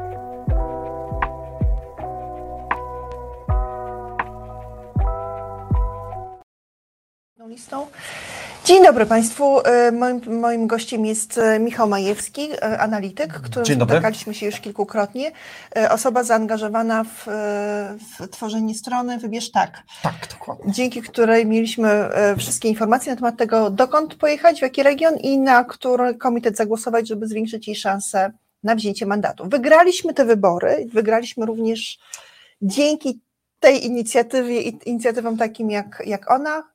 Dlatego pytanie brzmi, czego dokonaliśmy, a czego nie udało się nam dokonać. Tak, ja powiem, że, że wygraliśmy te wybory dzięki dużej mobilizacji nas wszystkich i to e, naprawdę tych działań było bardzo dużo. Także ja tutaj powiem, no, nasze działanie było jakimś tam elementem tego wszystkiego. I co nam się udało? E, znaczy, udało nam się e, parę rzeczy. Pierwsza rzecz jest taka, że udało nam się spopularyzować temat, jak działa nasz system wyborczy w Polsce. I to naprawdę zadziałało. To znaczy, ludzie się zorientowali, że to nie jest tylko kwestia tak, wrzucam głos i potem patrzę w wieczorze wyborczym, co, co, co z tego Kto wychodzi. wygrał i że hura na podium, poza podium. Tak, tak, tak. Także naprawdę ludzie zaczęli rozumieć takie no, podstawowe rzeczy, typu, że mamy okręgi wyborcze, że w tych okręgach wybieramy ilość tam posłów, ma znaczenie, gdzie, w którym okręgu zagłosujemy i to naprawdę nam się bardzo udało. Ja pamiętam takie moje rozmowy z politykami jeszcze, jak próbowałem namówić różne strony dotyczące, znaczy, że trzeba zrobić korektę demograficzną, tak, że trzeba złożyć wniosek i, i to musi przejść jeszcze przed wyborami. No i tak mówiłem, że no taką konsekwencją, jeżeli byśmy tego nie zrobili, no to w końcu ludzie się, ludzie się zdenerwują i zaczną jeździć. No więc generalnie była mała wiara, że ludzie zaczną jeździć. Natomiast wydaje mi się, że, że, że to nam się udało. Znaczy, Ale udało nam się... ile, ile osób e, zagłosowało poza miejscem zamieszkania? No już właśnie. E, to jest, to jest pytanie, e, które ma takie, powiedziałbym, cząstkowe odpowiedzi. Bo tak, bardzo dużo ludzi pobrało zaświadczenia o prawie do głosowania i tą liczbę znamy. Ile? Ja przyznam, że Ile? to było 428 tysięcy ludzi. Mhm. Natomiast ja wszystkie te, te, te dane ja odnoszę do tego, co było w 2019 roku, czyli 4 lata temu. No bo też te zaświadczenia były, wtedy to było 203 tysiące. W związku z tym, ja tak naprawdę patrzę na to w ten sposób. 225 tysięcy osób więcej zagłosowało z tym prawem do, do, do, do, do zaświadczeniem o prawie do głosowania. Czyli tym prawem, że możesz głosować gdziekolwiek chcesz. Nie, nie akurat, bo jedziesz do domu, znaczy, czyli tam do dziadków, albo jedziesz do, e, nad jezioro, czyli nad jeziorem, tylko gdzie żywnie Ci się podoba, gdzie będziesz miał ochotę zagłosować w dzień wyborów. No tak, i teraz do tego nam dochodzi drugi element, tak? czyli możliwość dopisania się do spisu wyborców w, dowolnym miejscu w, w Polsce. E, I te dane e, są tak naprawdę trochę szacunkowe. To znaczy, z jednej strony bardzo dużo osób się dopisało, ale z drugiej strony mamy taki problem, że e, w Polsce jest dość sporo grono osób, które w ogóle nie są nigdzie zameldowane na przykład. I teraz takie osoby, żeby zagłosować tu, gdzie, gdzie mieszkają, nie są żadnymi turystami wyborczymi, mhm. no też y, mogą się dopisać po prostu do, do spisu. w związku z tym ja, ja to trochę szacuję, że, że tych dodatkowych osób pewnie było trochę dla równego rachunku 125 tysięcy. Zakładam, że około 400 tysięcy osób to mogły być właśnie takie osoby, które e, no, w taki czy inny sposób e, zdecydowały się zagłosować w innym miejscu niż e, swoje miejsce Bo zamieszkania. Ja, ja pamiętam, pamiętam, że to cytowałam wam te liczby i to było prawie 900 tysięcy osób, które dopisały się do listy wyborców. Tak. 900 tysięcy ludzi. E, czyli takich, którzy, e, którzy albo nie głosowali w poprzednich wyborach, albo głosowali tam gdzieś indziej, a teraz chcieli zagłosować u siebie. To była jakaś Tak, tak to, to była bardzo duża liczba. E, natomiast no, to prawda jest też taka, że na przykład bardzo duża komponent tej, tej liczby to były osoby, które się po prostu dopisały w największych miastach. Tak? No, w Warszawie znowu było jeszcze więcej osób głosujących, we Wrocławiu było bardzo dużo przyrostu, także to były bardziej osoby, które po prostu zagłosowały tam, gdzie faktycznie mieszkają. Ja przyznaję, że, że w tych naszych danych wyborczych y, bardzo trudno zrozumieć, y, gdzie ludzi przybywa, gdzie ludzi ubywa. Podam taki przykład. Jeden. Oprócz tego, że wiemy, że po naszej stronie głosowało więcej o 2,5 miliona. Tak. Y, podam po taki przykład stronie. miast byłych wojewódzkich typu Płock albo Ostrołęka. E, tam doszło do czegoś takiego. mamy e, e, rejestr wyborców. To jest ten taki stały spis, który jest głównie oparty na danych meldunkowych. Mhm. 99% danych w, Centralnym Rejestrze Wyborców to jest dane z, z stałym, stały meldunek. I teraz te dane akurat są publikowane co kwartał, także my mamy no, dokładną liczbę tych osób w Centralnym Rejestrze Wyborców w każdej gminie na dzień 30 września. Tak. No i teraz przychodzą wybory, mija raptem dwa tygodnie. Jak ja spojrzałem na te dane w Ostrołęce czy w Płocku, to w Ostrołęce ubyło mniej więcej 5% dorosłych Polaków. No, co świadczy o tym, że de facto te osoby no, tam że są zameldowane. Ostrołęka migruje. Tak, i on, one już dawno wyemigrowały. Są powiedzmy albo w większych miastach, albo być może wyjechały za granicę. Mhm. Natomiast w danych takich y, meldunkowych one dalej w tej Ostrołęce są. Były. Tak. Także, y, no i teraz, jak weźmiemy na przykład takie miasto typu. Poczekaj, Płock, poczekaj bo my mamy jeszcze jakby, mamy, mamy trochę mniej czasu. Mamy niż, mniej czasu, dobrze. Dlatego chciałabym zapytać właśnie o o efekt turystyki wyborczej. Dobrze, to już mówię. Znaczy, efekt turystyki wyborczej e, jest taki, że mamy pewne okręgi wyborcze, gdzie widzimy, że na pewno ta turystyka zadziałała. Taki najbardziej sztandarowy to jest nasz okręg kielecki, e, bo tutaj e, faktycznie Koalicja Obywatelska wygrała swój mandat i odebrała go PiSowi mniej więcej różnicą 46 głosów. 46? Tak. Czyli 46 głosów, 40 oraz 6 głosów? Tak, i teraz y, ja mogę powiedzieć, no, no, jest wiele takich elementów, które mogły zaważyć na tym, że te 46 głosów tam się pojawiło. Natomiast y, na pewno y, turystyka wyborcza była takim ważnym elementem w tym okręgu właśnie kieleckim. Czy ja dobrze kojarzę, że, e, że w, Kieleckie, w Kieleckie pojechał pan Roman? Tak, to był taki właśnie dla mnie to jest cała taka saga związana z tym okręgiem wyborczym, bo to jest taki okręg, który e, ja w takim swoim pierwszym właściwie artykule na ten temat powiedziałem, że w zasadzie to jest taki drugi co do wielkości okręg wyborczy i tam najlepiej jakby wystąpił Donald Tusk jako numer jeden na, tak, na liście Koalicji Obywatelskiej. Przepraszam, muszę Ci przerwać. Darek zapytał, dlaczego rozmawiamy o tym, skoro jest już po wyborach, dlatego, że jest uwaga przed wyborami. Przed nami są, są eurowybory, są wybory samorządowe i w e, perspektywie kolejnych czterech lat kolejne wybory e, do parlamentu. Dlatego trzeba domknąć e, sprawę rzeczy, które się zadziały, po to, żeby wiedzieć, y, czy można z nich korzystać w przyszłości, czy nie. Czy turystyka wyborcza zrobiła nam coś, czy coś nam nie zrobiła? Czy jedna lista zrobiłaby w tej sytuacji coś, czy nie? Y, w Kielcach wygraliśmy jeden mandat. Gdzie jeszcze tak. wygraliśmy? Tak. Wygląda na to, że również jeden mandat wygraliśmy w, w okręgu płockim, to jest okręg 16. Tam no, również było relatywnie mało, tam była różnica mniej więcej 1600 głosów. Znaczy, ja patrzę na to dane w ten sposób. Patrzę, ilu, jaki był przyrost y, zaświadczeń, znaczy głosujących z zaświadczeniem. Mhm. E, również patrzę, y, jak wyglądała korelacja tego przyrostu zaświadczeń, osób, które głosowały z zaświadczeniem, e, do wzrostu poparcia poszczególnych list. I ta korelacja wygląda tak, że ona jest bardzo silna, bardzo silna pozytywna korelacja, typu tam 90 parę procent ze wzrostem głosujących na koalicję obywatelską i również na trzecią drogę, jest bardzo negatywna, jeżeli chodzi o przyrost. Y, dla lewicy, tak? Dla lewicy, ale również dla PiSu, tak? Także to nam daje pewną taką informację, że te dodatkowe osoby, które się pojawiły w tym okręgu wyborczym, no to one faktycznie zagłosowały na y, na koalicję obywatelską albo na trzecią drogę. No tak, takie no to mamy uwaga, największe wyborcy, wyborcy Hołowni i Kośniaka Kamysza oraz Donalda Tuska powinniście czuć się z siebie dumni, bo jak się okazuje, byliście najbardziej zmotywowani do tego, żeby sensownie wyjeżdżać w te rejony, w których e, jakby wynikało z tak. rekomendacji, najłatwiej będzie odebrać mandat PiSowi.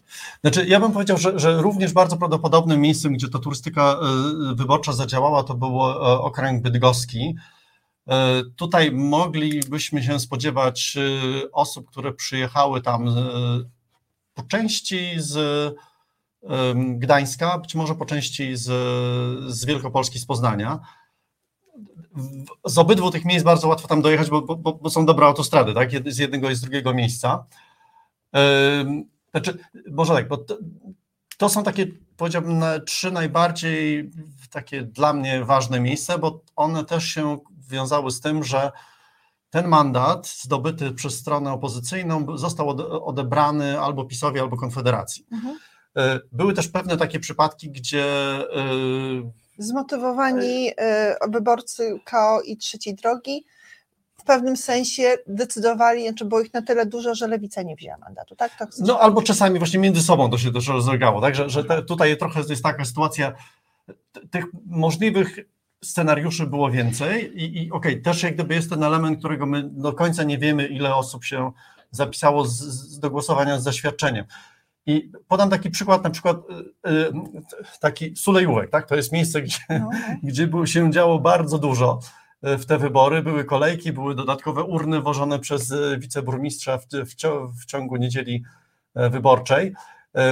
Tam, było, tam była taka sytuacja, że zagłosowało z zaświadczeniem 1626 osób. Tak. Natomiast dopisało się do, do spisu i to po prostu wiemy od, od, od właśnie takich danych E, z gminy, e, czy tam to, to było chyba przez pana burmistrza podane, 3672, e, czyli de facto było więcej osób dopisanych niż przyjechało z zaświadczeniem. Czyli Warszawa przygotowywała się do tego, że jedzie do Solejówka już od, jak rozumiem, parę tygodni wcześniej no tak, i już tak. się znaczy już przenosiła swoje głosy na Solejówek. Tak. A ci, którzy, a niektórzy trzymali sobie, kisili swoje karteczki czyli zaświadczenie, może tak karteczki, do samego końca i mhm. było ich tam ponad 600, 1600 i w ostatniej chwili podjęli decyzję, że jednak nie Płock, tylko Sulejówek, albo nie e, nie, co tam, co tam było w tym. E, można było też jechać do Radomia, to, to też był taki tak, ale dobry pier, pierwszy przystanek Radom to był Żerardów, tak? Żyrardów to jest okręg płocki, a, a, okay. a, w Radomiu można było jechać do Grójca. No to tak, no taka geografia okolic Warszawy. Ile wzięliśmy mandatów, o, o no te, wiemy teraz, na pewno, że wzięliśmy. I, i powiem tak, znaczy w Siedlcach Koalicja Obywatelska nie zdobyła dodatkowego mandatu, czyli, czyli nie widać tutaj gdyby uzysku z tego. Dodatkowy mandat zdobyło, zdobyła mm, trzecia droga, znaczy zdobyły, zdobyły, zdobyły Trzecia droga zdobyła dwa mandaty w tym okręgu. Okej, okay, czyli koalicja Natomiast ja powiedziałbym tak, y, z tych danych, które my mamy, to wygląda, że, że w tym okręgu siedleckim ta turystyka wyborcza nie zadziałała. Tak? Znaczy, tam mimo wszystko koalicji obywatelskiej, żeby zdobyć kolejny mandat, brakowało dość sporo e, głosujących, natomiast e, trzecia droga prawdopodobnie bez tych turystów wyborczych z Warszawy też by ten mandat zdobyła. Tak? Czyli tu bym powiedział, że e, wydaje się, że trochę doszliśmy do pewnej takiej bariery logistycznej, to znaczy w takim Sulejówku, gdzie tych komisji wyborczych było, nie wiem, czy 15, czy 20, no, no nie da się zmieścić, nie wiem, 20-30 tysięcy osób. Wiem też jak gdyby mhm. z takich relacji, które, osób, które były w tym Sulejówku, że pewne osoby, które przyjechały pociągiem, w momencie, kiedy widziały, że nie da się zagłosować, bo jest kolejka na 3 godziny stania w tym Sulejówku, Siadały w pociąg i wracały z powrotem do Warszawy. Także to, to, to trochę A, taka jakby logistyka tego wszystkiego um, trochę nie ile? zadziałała. Co, co, ile? Ile więcej mandatów otrzymaliśmy dzięki. To znaczy, i myślę, że tak, w skali kraju ja bym to szacował, że zdobyliśmy trzy dodatkowe mandaty mhm. kosztem albo PiSu, albo Konfederacji. Czy mieliśmy apetytę na więcej? To znaczy, ja szczerze liczyłem, tak, że, że ten, y, ta, ta, ten Sulejówek albo być może Radom jest faktycznie takim realnym y, Mieliśmy. miejscem, tak? Y, w Sulejówku zabrakło, czy w okręgu siedleckim ogólnie rzecz biorąc, Koalicji Obywatelskiej zabrakło na mniej więcej 11-12 tysięcy głosów, także to było dosyć spory mieliśmy, jeszcze margines. Tak, czyli mieliśmy, mieliśmy na więcej. Co zrobić, żeby, żeby w następnym rozdaniu mieć więcej? I już mówię, znaczy to wydaje mi się, ważne. że najważniejsza lekcja z, te, z, tej, z tego całego właśnie. właśnie turystyki wyborczej jest taka, że Teraz jest czas, żeby na tyle zmienić y, kodeks wyborczy i zasady naszej ordynacji wyborczej, żeby ta turystyka wyborcza po prostu nie była potrzebna. Bo, bo de facto turystyka wyborcza no, była pewnym krzykiem rozpaczy, tak? Znaczy, no, y, nie zmieniamy liczby wybieranych posłów y, w okręgach, demografia, no, nie nadążamy za demografią. Zupełnie ignorujemy fakt, że za granicą głosuje pół miliona osób. No, no i tak. E, efektem tego było właśnie wykreowanie tych gigantycznych dysproporcji. Wydaje się, że teraz najlepsze, co możemy zrobić, to jest wyrównać te dysproporcje. I teraz można to zrobić na kilka sposobów, natomiast tak e, obrazowo, jakie te dysproporcje są. Żeby turystyka z Warszawy do okręgu siedleckiego nie miała sensu, w Warszawie powinno się wybierać nie 20, a 30 paru posłów. Aż 30? Tak, dokładnie tak. Znaczy, to, to, też może warto sobie uświadomić, że w Warszawie głosujących, w samej Warszawie było około miliona sto tysięcy osób, pewnie trochę więcej, może milion, pod milion dwieście.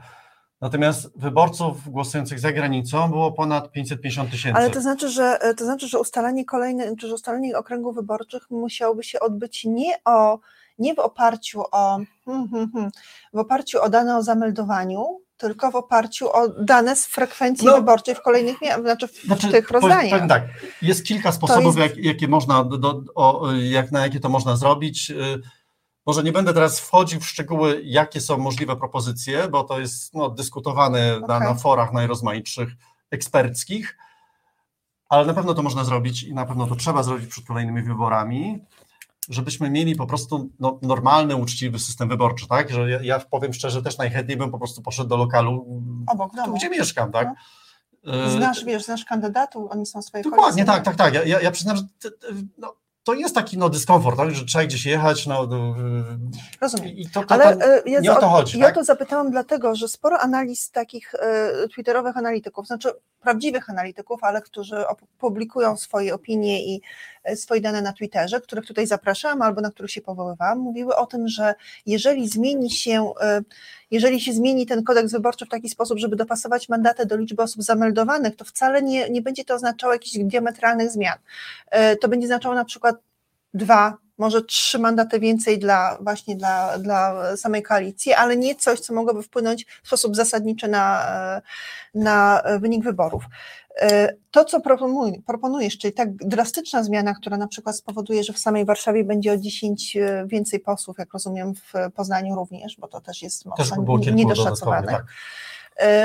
Okej, okay. no to czyli, y, czyli porzucamy stronę wybierz tak? i już nie będziemy nie, się nie, nie, znaczy przed następnymi już, wyborami? mówię, znaczy my z, ze strony wybierztak.pl y, robimy inicjatywę, która będzie no, promowała zmiany w kodeksie wyborczym. Tak? Znaczy my, my de facto teraz no, pokazaliśmy, że, że, że, turystyka wyborcza może działać i że ona daje efekty, a teraz będziemy działać, żeby ta turystyka wyborcza nie była potrzebna. No to taki mamy jak gdyby cel.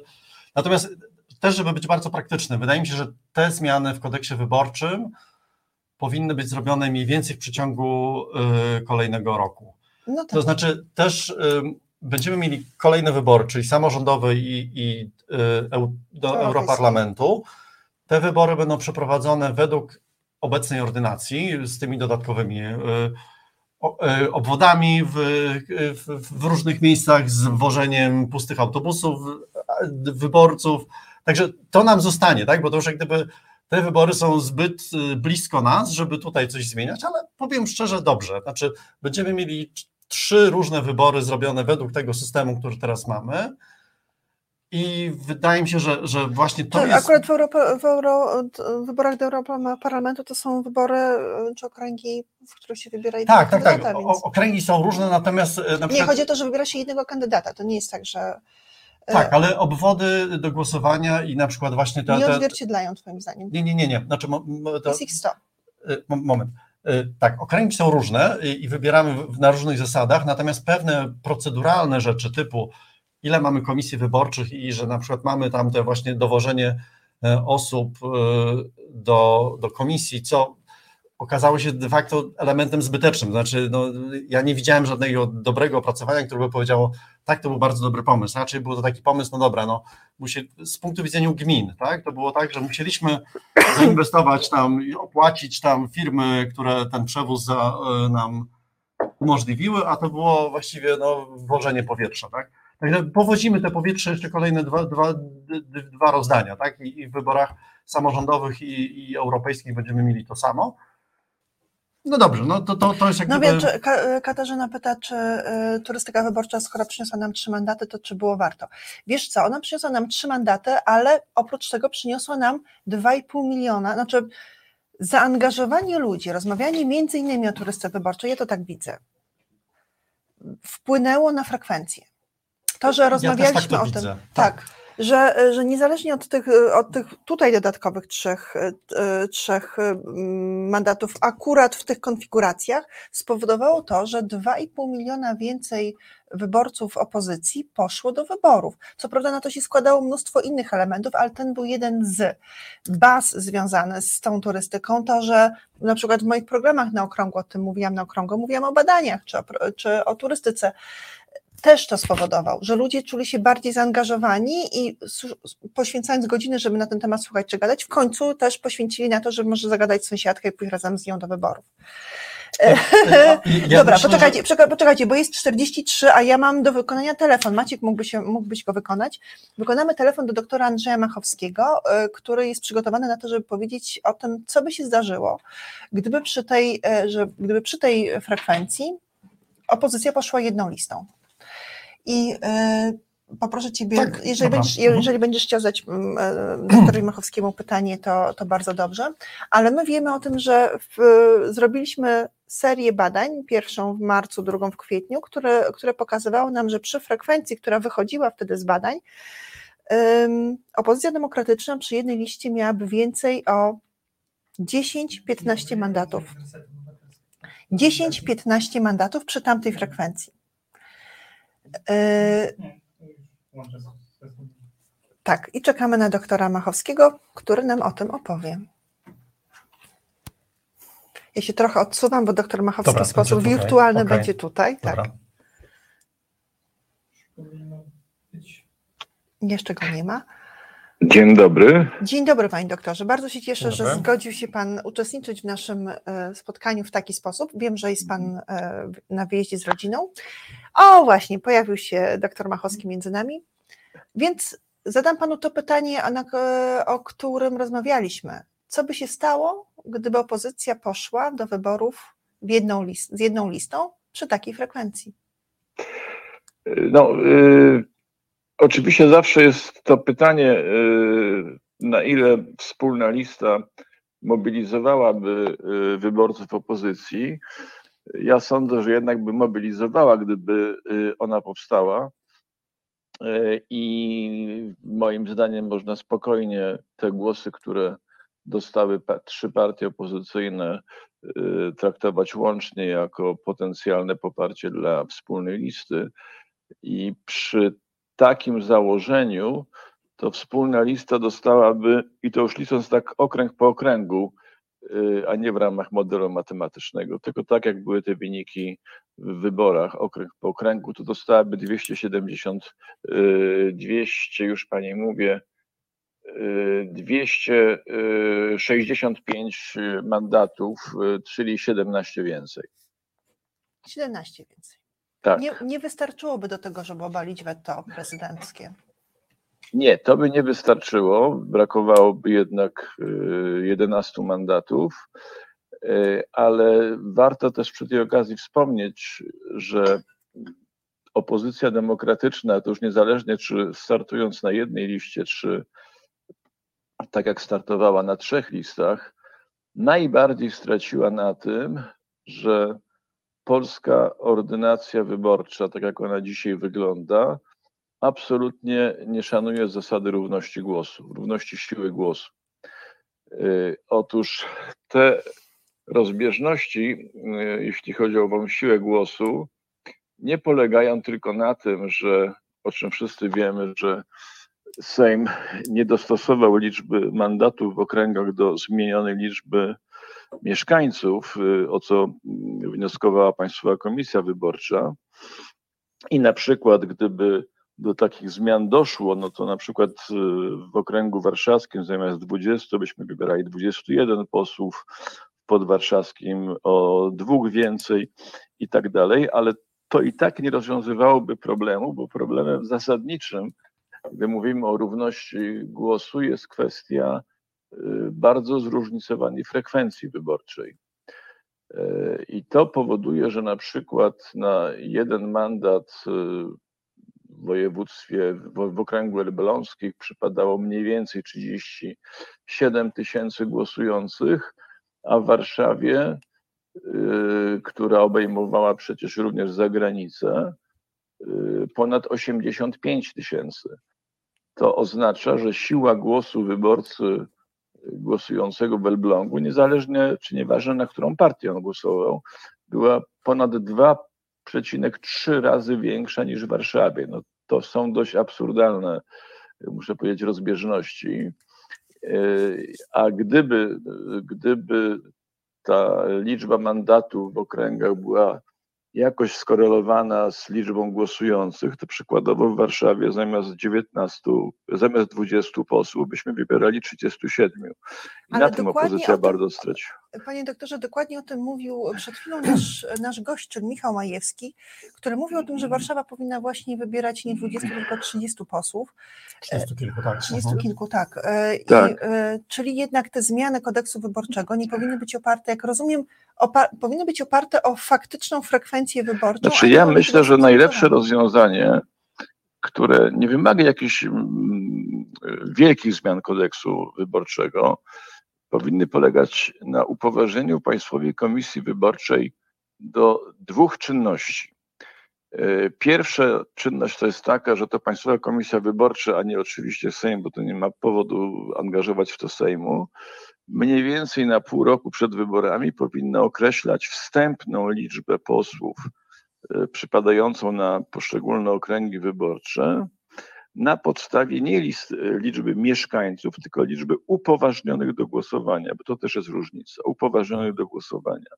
A następnie po przeprowadzonym głosowaniu, co naprawdę jest czynnością, nie wiem, no, półgodzinną w Excelu, na podstawie przeprowadzonego głosowania powinna następnie określić tę e, końcową liczbę posłów, jaka przypada na każdy okręg wyborczy, w zależności od liczby głosujących. Ale to znaczy, że ludzie, połowa by posłów, kandydatów umarła na serce w tym czasie. Ale mi się no, podoba. E, no, chcę, chcę powiedzieć, że e, podobna zasada jakkolwiek w ramach trochę innej ordynacji wyborczej, ale podobna zasada, czyli oparcie całego procesu na liczbie głosujących jest przecież w ordynacji w wyborach do Parlamentu Europejskiego. Tam wyłącznie y, bierze się pod uwagę liczbę głosujących. Najpierw, jeśli chodzi o rozdział mandatów w skali kraju między ugrupowania, to tylko liczba głosujących oczywiście o tym decyduje, które ugrupowanie będzie miało ile mandatów, a następnie rozdzielenie tych mandatów w okręgach wyborczych do poszczególnych partii też jest oparte na liczbie głosujących. Więc ta zasada w wyborach europejskich istnieje. I w związku z tym my nie wiemy w wyborach europejskich, ile ostatecznie w okręgu, w którym my głosujemy, będzie posłów do Parlamentu Europejskiego. To dopiero wiadomo po wyborach dokładnie, ile, ile tych posłów jest. A nie byłam tego I, świadoma. Tak, Dziękuję. a tak to działa. Tak to działa. Tyle, że w wyborach europejskich my nie jesteśmy aż tak bardzo przyzwyczajeni do tego, że nasi posłowie e, reprezentują nie tylko cały kraj, ale reprezentują również okręgi wyborcze. Wyborach do e, Sejmu. Oczywiście te okręgi wyborcze są jakby bardziej obecne w świadomości każdego wyborcy, ale to nie jest jakiś taki wielki problem, bo proszę zwrócić uwagę, że e, gdybyśmy tę zasadę stosowali w wyborach, które mamy za sobą, w wyborach z 15 października, to oczywiście mamy tak drastyczną różnicę w okręgu warszawskim, że w tym okręgu zamiast 20 posłów byśmy wybierali w efekcie 37 z uwagi na tak liczną, e, tak wielką liczbę głosujących, ale na te 37 okręgów e, w Warszawie, czyli 17 więcej, o dwa więcej, o trzy więcej mandaty w Poznaniu, o trzy więcej we Wrocławiu, o dwa więcej e, w Krakowie, o jeden więcej w Gdańsku i w Gdyni. Na tę zmianę z kolei pracowałyby okręgi, których albo e, byłby odebrany jeden mandat, albo góra dwa mandaty. Natomiast e, w sporej grupie okręgów w ogóle nie byłoby żadnych zmian. Więc to nie byłyby jakieś dramatyczne różnice, no ale jednak one e, oddawałyby rzeczywistą, rzeczywiste poparcie, jakie ugrupowania miały w skali kraju i w poszczególnych okręgach, zważywszy na liczbę głosujących Tak, na te listy. Czyli, czyli nie procentowe, a zważywszy na liczbę głosujących, bo na przykład moją kandydatką y, z listy lewicy była Agata Duszko-Zygleska, która otrzymała ponad, 70, ponad 35 tysięcy głosów i nie weszła do parlamentu. Miała Nie, nie, ale to wynik. pani o czymś innym mówi. Pani mówi o czymś takim, że, e, że e, zdarza się tak, że kandydatka, która ma indywidualnie bardzo dobry wynik, nie dostaje się do parlamentu, a dostaje się z innej listy osoba ze znacznie słabszym wynikiem. To, o czym ja mówię, by tego niestety nie zmieniało. Żeby to zmienić, to generalnie musielibyśmy po prostu móc głosować, nie wiem, w dziesięciomandatowym okręgu na dziesięciu kandydatów, sobie wybieramy dziesięciu kandydatów od, z- od z dowolnie różnych partii i potem patrzymy, jak się rozkładają głosy, prawda? Tak, rozumiem. Więc ja nie o tym mówię. Ja mówię po prostu o tym, że e, biorąc pod uwagę liczbę głosujących, no to wtedy w zależności od liczby głosujących w danym okręgu przeliczalibyśmy, jak tam wygląda norma przedstawicielska. No i przykładowo właśnie w Warszawie wyszłoby, że wybieramy, w efekcie rozdzielamy 37 mandatów między partie polityczne, co być może spowodowałoby, że pani kandydatka z lewicy by ten mandat dostała, no bo siłą rzeczy lewica miałaby wtedy tych mandatów więcej w Warszawie, prawda?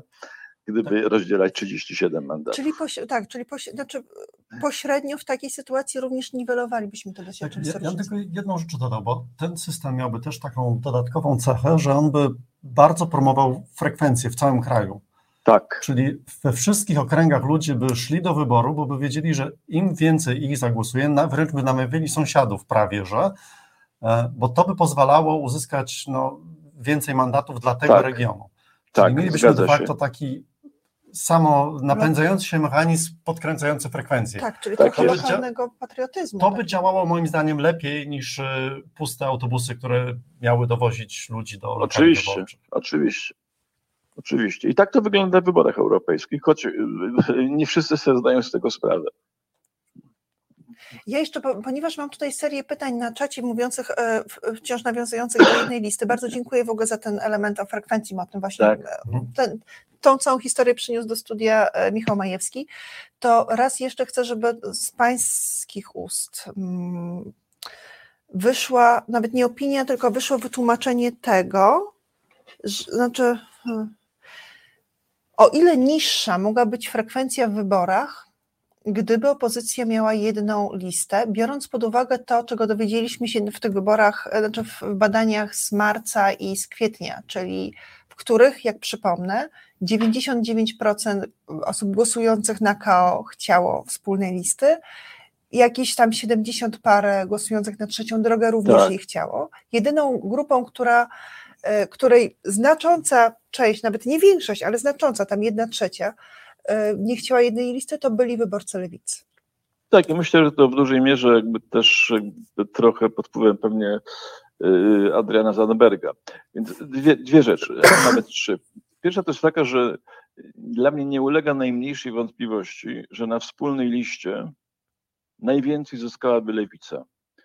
Ponieważ lewica uzyskała relatywnie słaby wynik w tych wyborach, moim zdaniem głównie dlatego, że cała ta agenda bardzo istotna dla e, wyborców o takim lewicowym światopoglądzie, cała taka światopoglądowa agenda, e, kwestie aborcyjne, e, in vitro, związki partnerskie i tak dalej, została absolutnie przejęta czy przyjęta też przez koalicję obywatelską Tak. i dla wielu wyborców i wyborczyń dylemat, czy głosować na kogoś, kto jest bardziej w tym wiarygodny, czyli lewica, czy na kogoś, kto jest, jakby można powiedzieć, daje większą gwarancję, bo, ma, bo jest silniejszy, to wielu wybrało silniejszą partię.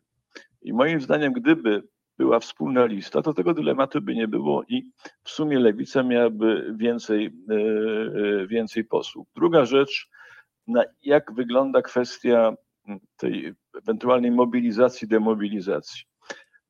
Ja zawsze podkreślałem tak, myśmy badali w różnych y, sondażach, sondażach obywatelskich i nie tylko y, y, właśnie jak wyborcy mogą się zachować w sytuacji, gdy się pojawia wspólna lista, ale trzeba pamiętać, że nasi respondenci w tych badaniach byli konfrontowani z bytem absolutnie wirtualnym, czymś nieistniejącym. A zupełnie inna byłaby sytuacja, gdyby tak jak widzieliśmy po wyborach konferencję czterech liderów y, partii opozycyjnych, gdyby oni trzy miesiące temu stanęli przed kamerami i powiedzieli: OK, robimy wspólną listę. Tak. Mielibyśmy zupełnie inną sytuację, i moim zdaniem ta wspólna lista, patrzymy, jak wyglądała frekwencja, i widzimy wyraźnie, że podstawowym taką motywacją dla tych ludzi, którzy stali do, w pół do trzeciej w nocy w kolejkach, było odsunięcie PiSu od władzy. Odsunięcie PiSu od władzy. I oni by też głosowali. A tak, gdyby słusznie. na przykład. Ktoś napisał, że, że głosowano głównie przeciw, nie za. Ja nie wiem, czy głównie, ale w dużej, tak, w pewnej dużej mierze. głosowano przeciw. Ale też trzeba powiedzieć, że ja to też sprawdzałem, że powiedzmy, no, gdyby na przykład ta wspólna lista, yy, yy, ta wspólna lista na nią by głosowało nie 100% wyborców tych trzech partii, tak jak mieliśmy, czyli ta 11,6 tam zdaje się miliona osób, tylko o powiedzmy 5% mniej, czyli taka byłaby mobilizacja na poziomie 95%, to tych mandatów było, byłoby wtedy w granicach 260-261, też byłoby więcej. Mhm. Też byłoby więcej. Znaczy, ja, ja taką... w tej sprawie nie mam żadnych wątpliwości. Brak wspólnej listy kosztował nas kilkanaście mandatów. Co do tego nie mam najmniejszej wątpliwości. Ja mogę taką jedną może rzecz dodać, bo e, możemy spojrzeć na dane e, dotyczące wyborów do Senatu. To w pewnym sensie jest taka wspólna lista na sterydach, bo tak naprawdę tam można tak. tylko wybrać jednego e, kandydata, tak? wcześniej dogadanego, tak. I widać, że tak naprawdę okay, tam było mniej wyborców, ale to było mniej więcej spadek o 10%. I teraz tak, to znaczy, ale, okay, no, ale, ale generalnie proszę zwrócić uwagę, że 4 lata temu nie było wspólnej listy e, tak jak teraz. E, była ta lista senacka i generalnie było to samo. E, jakby Senat mhm. jakby trochę w ogóle mniej, e, troszeczkę mniej angażuje e, i mieliśmy e, podobną sytuację. Więc moim zdaniem to nie jest, to, to, to, to nie do końca da się tak porównać, zwłaszcza, że w przypadku Senatu w wielu okręgach była tego typu sytuacja, kiedy na przykład wyborca mocno lewicujący, miał naprawdę olbrzymi dylemat, e, czy na pewno chce poprzeć kandydata z Paktu Senackiego, który e, no, z jego punktu widzenia był zbyt konserwatywny. Więc to nie do końca jest to samo. A w przypadku wspólnej listy, no to jednak e, wybiera sobie z pełnej palety, obojętnie w którym okręgu głosuje. Tak, znaczy mi, mi chodzi o takie porównanie, że de facto, jeżeli w takim takim no bardzo no, zero-jedynkowym wyborze ta y, chęć głosowania na wspólny pakt senacki spadła o 10%, to jeżeli byłby taki realny wybór, że można by było wybrać swojego kandydata, tylko on był na, był na piątym, tak. ósmym albo jedenastym miejscu, to prawdopodobnie te, ten spadek byłby no naprawdę niewielki, tak? Te, te, te wspomniane Absolutnie się zgadzam. Ale ja chcę też tak. powiedzieć, że, przepraszam, ja chcę też powiedzieć, że y, liczba głosów oddanych na kandydatów Paktu Senackiego była niższa również dlatego, że ich po prostu nie wystawiono w kilku okręgach, a w jednym z nich nie zdołał y, kandydat y, przedłożyć odpowiedniej liczby podpisów rejestrujących jego komitet. W związku z tym. To też prawda. I jeszcze, tak. jeszcze taką jedną rzecz dodam, bo, bo tak naprawdę pewien taki zarzut dotyczący wspólnej listy był taki, że to by bardzo wzmocniło Konfederację. No, natomiast wydaje mi się, że jednej rzeczy, które, które te dane też akurat z, z wyborów senackich pokazują, że w momencie, kiedy ludzie nie mieli alternatywy, nie chcieli zagłosować albo na PiS, albo na pakt senacki, to bardzo często wybierali bezpartyjnych samorządowców. I tak naprawdę te, te głosy takie właśnie, y, które nie chciały ani jednej strony, ani drugiej, one się rozkładały na bezpartyjnych samorządowców, na konfederację, na kandydatów niezależnych. Wiemy również, że tak naprawdę no, pojawiłby nam się taki twór, jak Polska jest jedna, i ona też by występowała nawet w, te, w tej konfiguracji wspólnej listy. Także de facto tych partii środka byłoby prawdopodobnie trzy. I wyborca by się zgubił. To znaczy... nie, nie, nie, nie, nie. To nie chodzi o to, że wyborca by się zgubił, tylko chodzi o to, że nie byłoby tego efektu, że bardzo by na tym zyskała Konfederacja, bo tak naprawdę A. zyskałyby wszystkie te partie środka i to de facto spowodowałoby w większości przypadków, y, że te partie typu bezpartyjni samorządowcy, być może oni by do, doszli do, do progu 5%, ale zdobyliby ale pewnie nie jeszcze jedna uwaga, Jeszcze jedna uwaga odnośnie do Konfederacji. Yy, otóż yy, Konfederacja, która miała najwyższe notowania mniej więcej w okolicach yy, lipca, tak, to trzeba też pamiętać, że, bo to widać było, sondaże to podawały, że to jednocześnie były sondaże pokazujące bardzo niską frekwencję. To zresztą zjawisko dość powszechne, gdy mówimy o sondażach przeprowadzanych w miesiącach wakacyjnych. Dość niska frekwencja na poziomie gdzieś tam powiedzmy 50, 51-2%. I potem kolejne sondaże pokazywały wzrost frekwencji. Oczywiście żaden nie pokazywał 70, prawie 5%, ale widać było, jaka jest tendencja. Jaka jest tendencja. Z tym był skorelowany spadek notowań Konfederacji, ale w liczbach wyborców to nie był wielki spadek. To był wzrost. Znaczy, w liczbie wyborców to może nie był wzrost, ale to był niewielki spadek. To był niewielki spadek. Konfederacja uzyskała w efekcie e, ponad półtora miliona głosów w tych wyborach, dokładnie tam milion pięćset pięćdziesiąt tysięcy, co Gdyby to z kolei ten wynik odnieść do przy e, frekwencji nie 70 kilka, ale 50 kilka procent, to te półtora miliona dawało oczywiście kilkunastoprocentowy wynik. Mówiąc krótko, Konfederacja miała spory e, fragment swojego elektoratu bardzo, e, tak powiem, zżytego no, z partią, z, z tą listą, ale ona nie miała możliwości tak naprawdę rozwojowych. E, jak przyszła, e, przyszedł wzrost frekwencji, no to Konfederacja z tymi swoimi wiernymi e, wyborcami procentowo szła w dół i zakończyła z takim wynikiem, jakim zakończyła. Moim zdaniem nie groziło nam, że przy wspólnej liście Konfederacja pójdzie do przodu. No to tak, e, Konfederacja się oparła o sufit chyba gdzieś w okolicach e, początku sierpnia, o sufit jakby swoich możliwości, czyli wyborców, którzy e, w, przyznawali się do tego, że będą głosować na tak. Konfederację, tak. co jednak trzeba to zaznaczyć, bo, bo bez tego elementu ten obraz będzie niepełny, co jednak oznaczało, że od czasu 2000 15, 2019 roku y, przybyło jej bardzo dużo wyborców i przybyło dokładnie jej przybyło, więcej, dokładnie, osób, więcej miejsc w parlamencie. Dokładnie, dokładnie liczba wyborców Konfederacji w stosunku do 2019 roku wzrosła o 23%. O. Dokładnie, o 23%, kiedy liczba w ogóle wyborców głosujących w stosunku do 2019 roku wzrosła o 17%. Tylko warto e, na tym tle pokazać, że na przykład liczba wyborców Koalicji Obywatelskiej e, w stosunku do 2019 roku wzrosła o 31%, a całej opozycji demokratycznej o 29%. Więc, e, a prawicy całej, łącznie jak dorzucimy PiS, no to spadło o, o jeden punkt procentowy, o jeden procent. No tak, ale to warto wtedy, wtedy rozdzielać jednak Konfederację od PiSu, że Konfederacji jednak wzrosło, wzrosło o jedną czwartą. No tak, o 23%. I bardzo ciekawe jest to, że Konfederacja yy, miała yy, bardzo przyzwoity wzrost, zadziwiający, bo o 50% wzrosła jej liczba wyborców na wsi. To jest bardzo ciekawe. O proszę. Tak.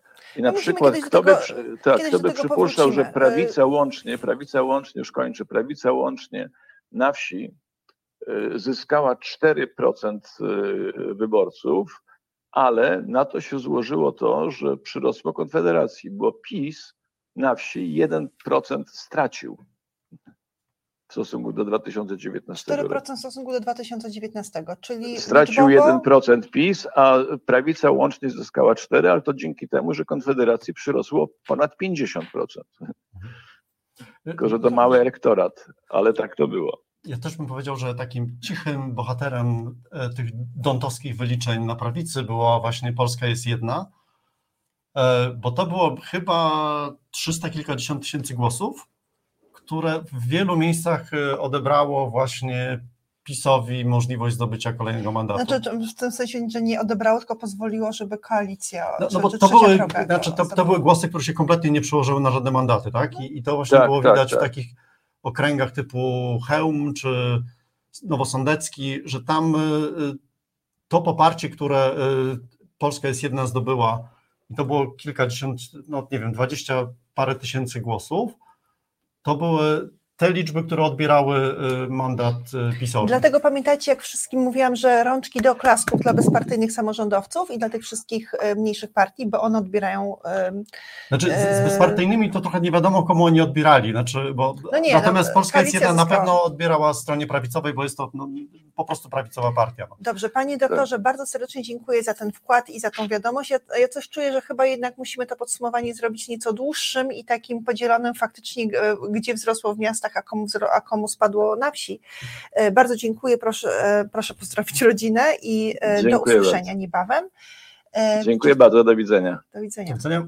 Czy chciałbyś podsumować te nasze wysiłki? I ja, ja jeszcze Wam powiem, że my tak sobie ładnie przewalamy czas, dlatego że wiemy, że Blanka Dżugaj, która zwykle występuje po mnie, ma powtórkę swojego ważnego programu, ale można go, można go odsłuchać w całości, również po zakończeniu naszej dyskusji.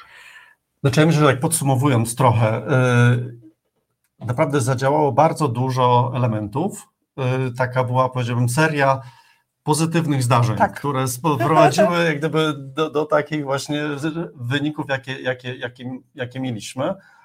Yy, Wydaje mi się właśnie, że to, to, na co ty zwróciłeś uwagę, jeżeli chodzi o ten element, że mówiło się dużo o ludziach, którzy stoją w kolejce i chcą mieć zaświadczenie, mówiło się dużo o, pojawił się jakiś tam temat turystyki wyborczej, że to de facto również nap- napędziło nam frekwencję, tak? Również te, yy, no, już w dniu wyborów, jak było widać kolejki ludzi w Sulejówku, no to też działało to trochę, no to, to ja też muszę iść głosować, tak? No bo no, prawda jest taka, że, że jak się, po, ja tak sobie myślę na temat sondaży, no to właściwie jest chyba najprostszy element, żeby dobrze oszacować, kto idzie na wybory, a kto nie, tak?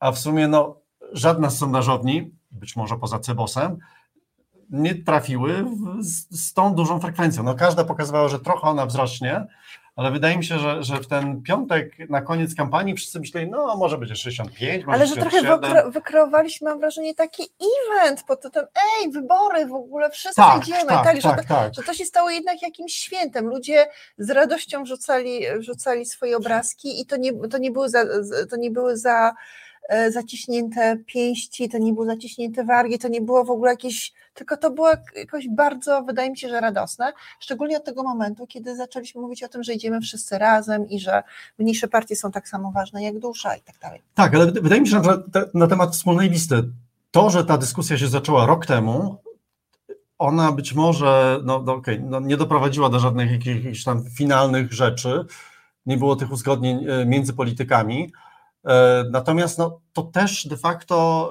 e, skierowało tą uwagę ludzi na temat wyborczy no, wcześniej niż by to normalnie się działo. Tak? Także wydaje mi się, że ta, ta, ta, wspólna lista jako temat, jako dyskusja też de facto nam pomogły. Oj, Ja na przykład jak patrzę na, na jak została zrobiona y, lista trzeciej drogi, no to ona czerpała z pomysłów wspólnej listy, tak? Trzecia droga jako nazwa była w sumie dość przezroczysta, tak? No, no, nie- no, okej, no trochę tam treści niosła, ale ci kandydaci byli bardzo tacy wyraziści, tak? Wiadomo było, który jest ze strony Tak. PSL-u, który jest ze strony y, y, Polski 20, Nie wiem, czy wy, to, czy wy to 2050. zauważyliście, ale naprawdę, jeżeli jak ja wjeżdżam mocno poza Warszawę, więc widziałam plakaty trzeciej drogi z bardzo wyraźnym, zaznaczonym e, zielonym elementem, który mówił o tym, że to jest kandydat PSL-u na tej liście.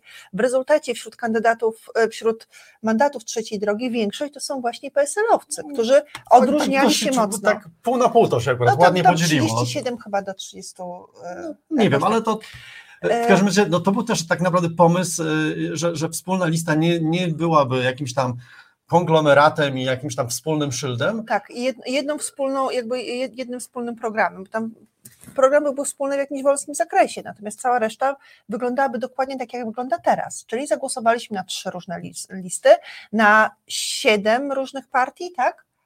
No, może 8, nawet więcej. więcej. tak, i, tak teraz. E, I teraz są prowadzone rozmowy koalicyjne mówiące o tym, jak będzie wyglądał nie tylko wspólny rząd, ale również z jakimi rzeczami się zgodzimy i będziemy je od razu przeprowadzać, a które jednak będą podlegały dyskusji parlamentarnej i będziemy się o nie spierać już w parlamencie.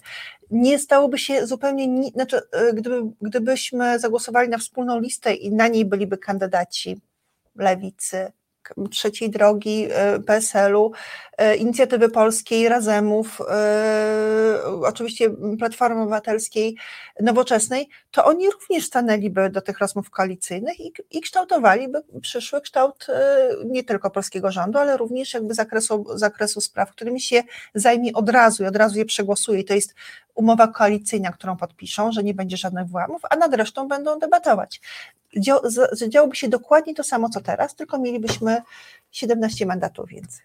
Kiedyś, być może przy, przy, przy, przy, kolejnych wyborach będzie to ważne, bo będziemy, e, bo będziemy chcieli, żeby parlament był jednak bardziej istotny, aniżeli, e, aniżeli e, prezydent. I że to parlament powinien decydować o tym, czy weto prezydenta jest przyjmowane, czy nie. E, jeszcze może powiem taką jedną rzecz, bo, bo faktycznie e, jak ja potem zacząłem czytać e, komentarze dotyczące turystyki wyborczej po tej no, stronie prawicowej, że to w ogóle jest wielkie oszustwo, że to jest w ogóle skandal. Naprawdę pamiętajmy o tym, że, że ta turystyka się wzięła stąd, że nie mieliśmy równości głosu. No dalej jej nie mamy. Także to było tak naprawdę pewna reakcja samoobronna, tak? Także to, to, tłumacz się, to, ale nie, to, był świetny nie, mechanizm, tak, wiesz. Tylko, że to naprawdę warto podkreślać, bo, bo też osoby, które mówią, że to jest jakiś wielki przekręt, y, y, mogą się naoglądać naprawdę niestworzonych rzeczy na, na YouTubie i, i tak się niestety rodzą historie o sfałszowanych wyborach i tak się roczą jakieś mity założycielskie nie wiadomo czego. Naprawdę to trzeba przy każdej możliwej okazji podkreślać, że to było całkowicie legalne i działanie z, z, ze strony ludzi, którzy po prostu już mieli dosyć sytuacji, kiedy ich głos nie znaczył jeden, znaczy jedna osoba nie przestała znaczyć jeden głos, tak? Tak, i, tak, że jedna osoba to nie I była. naprawdę y, ja jestem dość dużym optymistą, że w obecnej czy kolejnej, no, nadchodzącej kadencji Sejmu uda nam się zmienić na tyle prawo wyborcze, żeby ta turystyka po prostu nie była potrzebna. Tak, i żeby te, żeby te zmiany nie dotyczyły dwóch czy trzech mandatów w okręgach, tylko w, w przypadku tych wielkich, e, czyli jak Warszawa i Poznań, dotyczyły e, kilkunastu mandatów. To mi się bardzo spodobało. Idea mówiąca o tym, że najpierw głosujemy, a dopiero potem komisja wyborcza liczy, jak duże grupy zagłosowały w poszczególnych miejscach i przyznaje liczbę mandatów, tą ostateczną liczbę mandatów właśnie tym, tym miejscowościom czy tym okręgom. Co jest faktycznie super. Ja też tak Może naprawdę... 19-16. W, w ramach, ostatnie takie słowo. słowo. E, w ramach takiej, znaczy wydaje mi się, że te, te, te reformy naszego systemu wyborczego muszą iść trochę dalej, bo tak naprawdę obecne 41 okręgów wyborczych, one też dla mnie jest po prostu takim, taką spuścizną 49 województw, e, które mieliśmy w PRL-u. No, nie? Powinniśmy te okręgi sprowadzić do jakichś takich krain geograficznych, które ludzie rozumieją. Nie wiem, Mazowsze Wschodnie, Mazowsze Zachodnie. Bo tak naprawdę średni, znaczy większość ludzi po prostu nawet nie wie, że okręgi są, albo nie wie, w którym okręgu mieszkają. Także e, naprawdę ale znaczy... przepraszam, ale wyobrażasz sobie teraz objazd po prostu Mazowsza Wschodniego przez kandydatów, jeżeli będzie chciał się przedstawić w każdym mieście? No, no dobrze, ogóle, no, wiesz. nie, nie, nie, znaczy, problem tak naprawdę jest taki, że do, do, weźmy województwo śląskie, to jest dla mnie taki... Ale, ale mamy ostatni, ostatnie słowo. Ostatnie słowo. Nie wiadomo dlaczego w tym województwie jest sześć okręgów i, one są wszystkie bardzo malutkie. Teraz jakbyśmy z, z jeszcze e, przeprowadzili te reformy, o której to była mowa, no to, to by się okazało, że te, te, te okręgi przestałyby być nawet dziewięciomandatowe, niektóre by spadły do ośmiomandatowych. I to też rodziłoby y, problemy, tak? Także y, y, musimy uwzględnić siłę głosu, ale musimy też się zastanowić nad liczbą okręgów wyborczych i jak je troszkę przeformować. Ale to wszystko przed nami, poradzimy sobie z tym. I przede wszystkim świętujmy wciąż, bo wygraliśmy wybory. I wszystko jest na dobrej drodze. Rozmowy koalicyjne trwają. y, Sikorki mówią, że, że one toczą się dobrze, chociaż oczywiście jest spór, ale to jest jakby to jest demokratyczny spór. Y, I widzimy się nie za tydzień, tylko widzimy się za dwa dni w czwartek, kiedy będziemy rozmawiać z Romanem Kurkiewiczem raz jeszcze o Gazie i o, y, i o Izraelu. I nie będziemy się spieszyć, bo będziemy mieli, jak słusznie e, zażądaliście, bite dwie godziny. E, Pewnie z Michałem Majewskim spotkamy się jeszcze nie raz. Bardzo Wam dziękuję za udział w tym programie i do zobaczenia. Również dziękuję, do widzenia.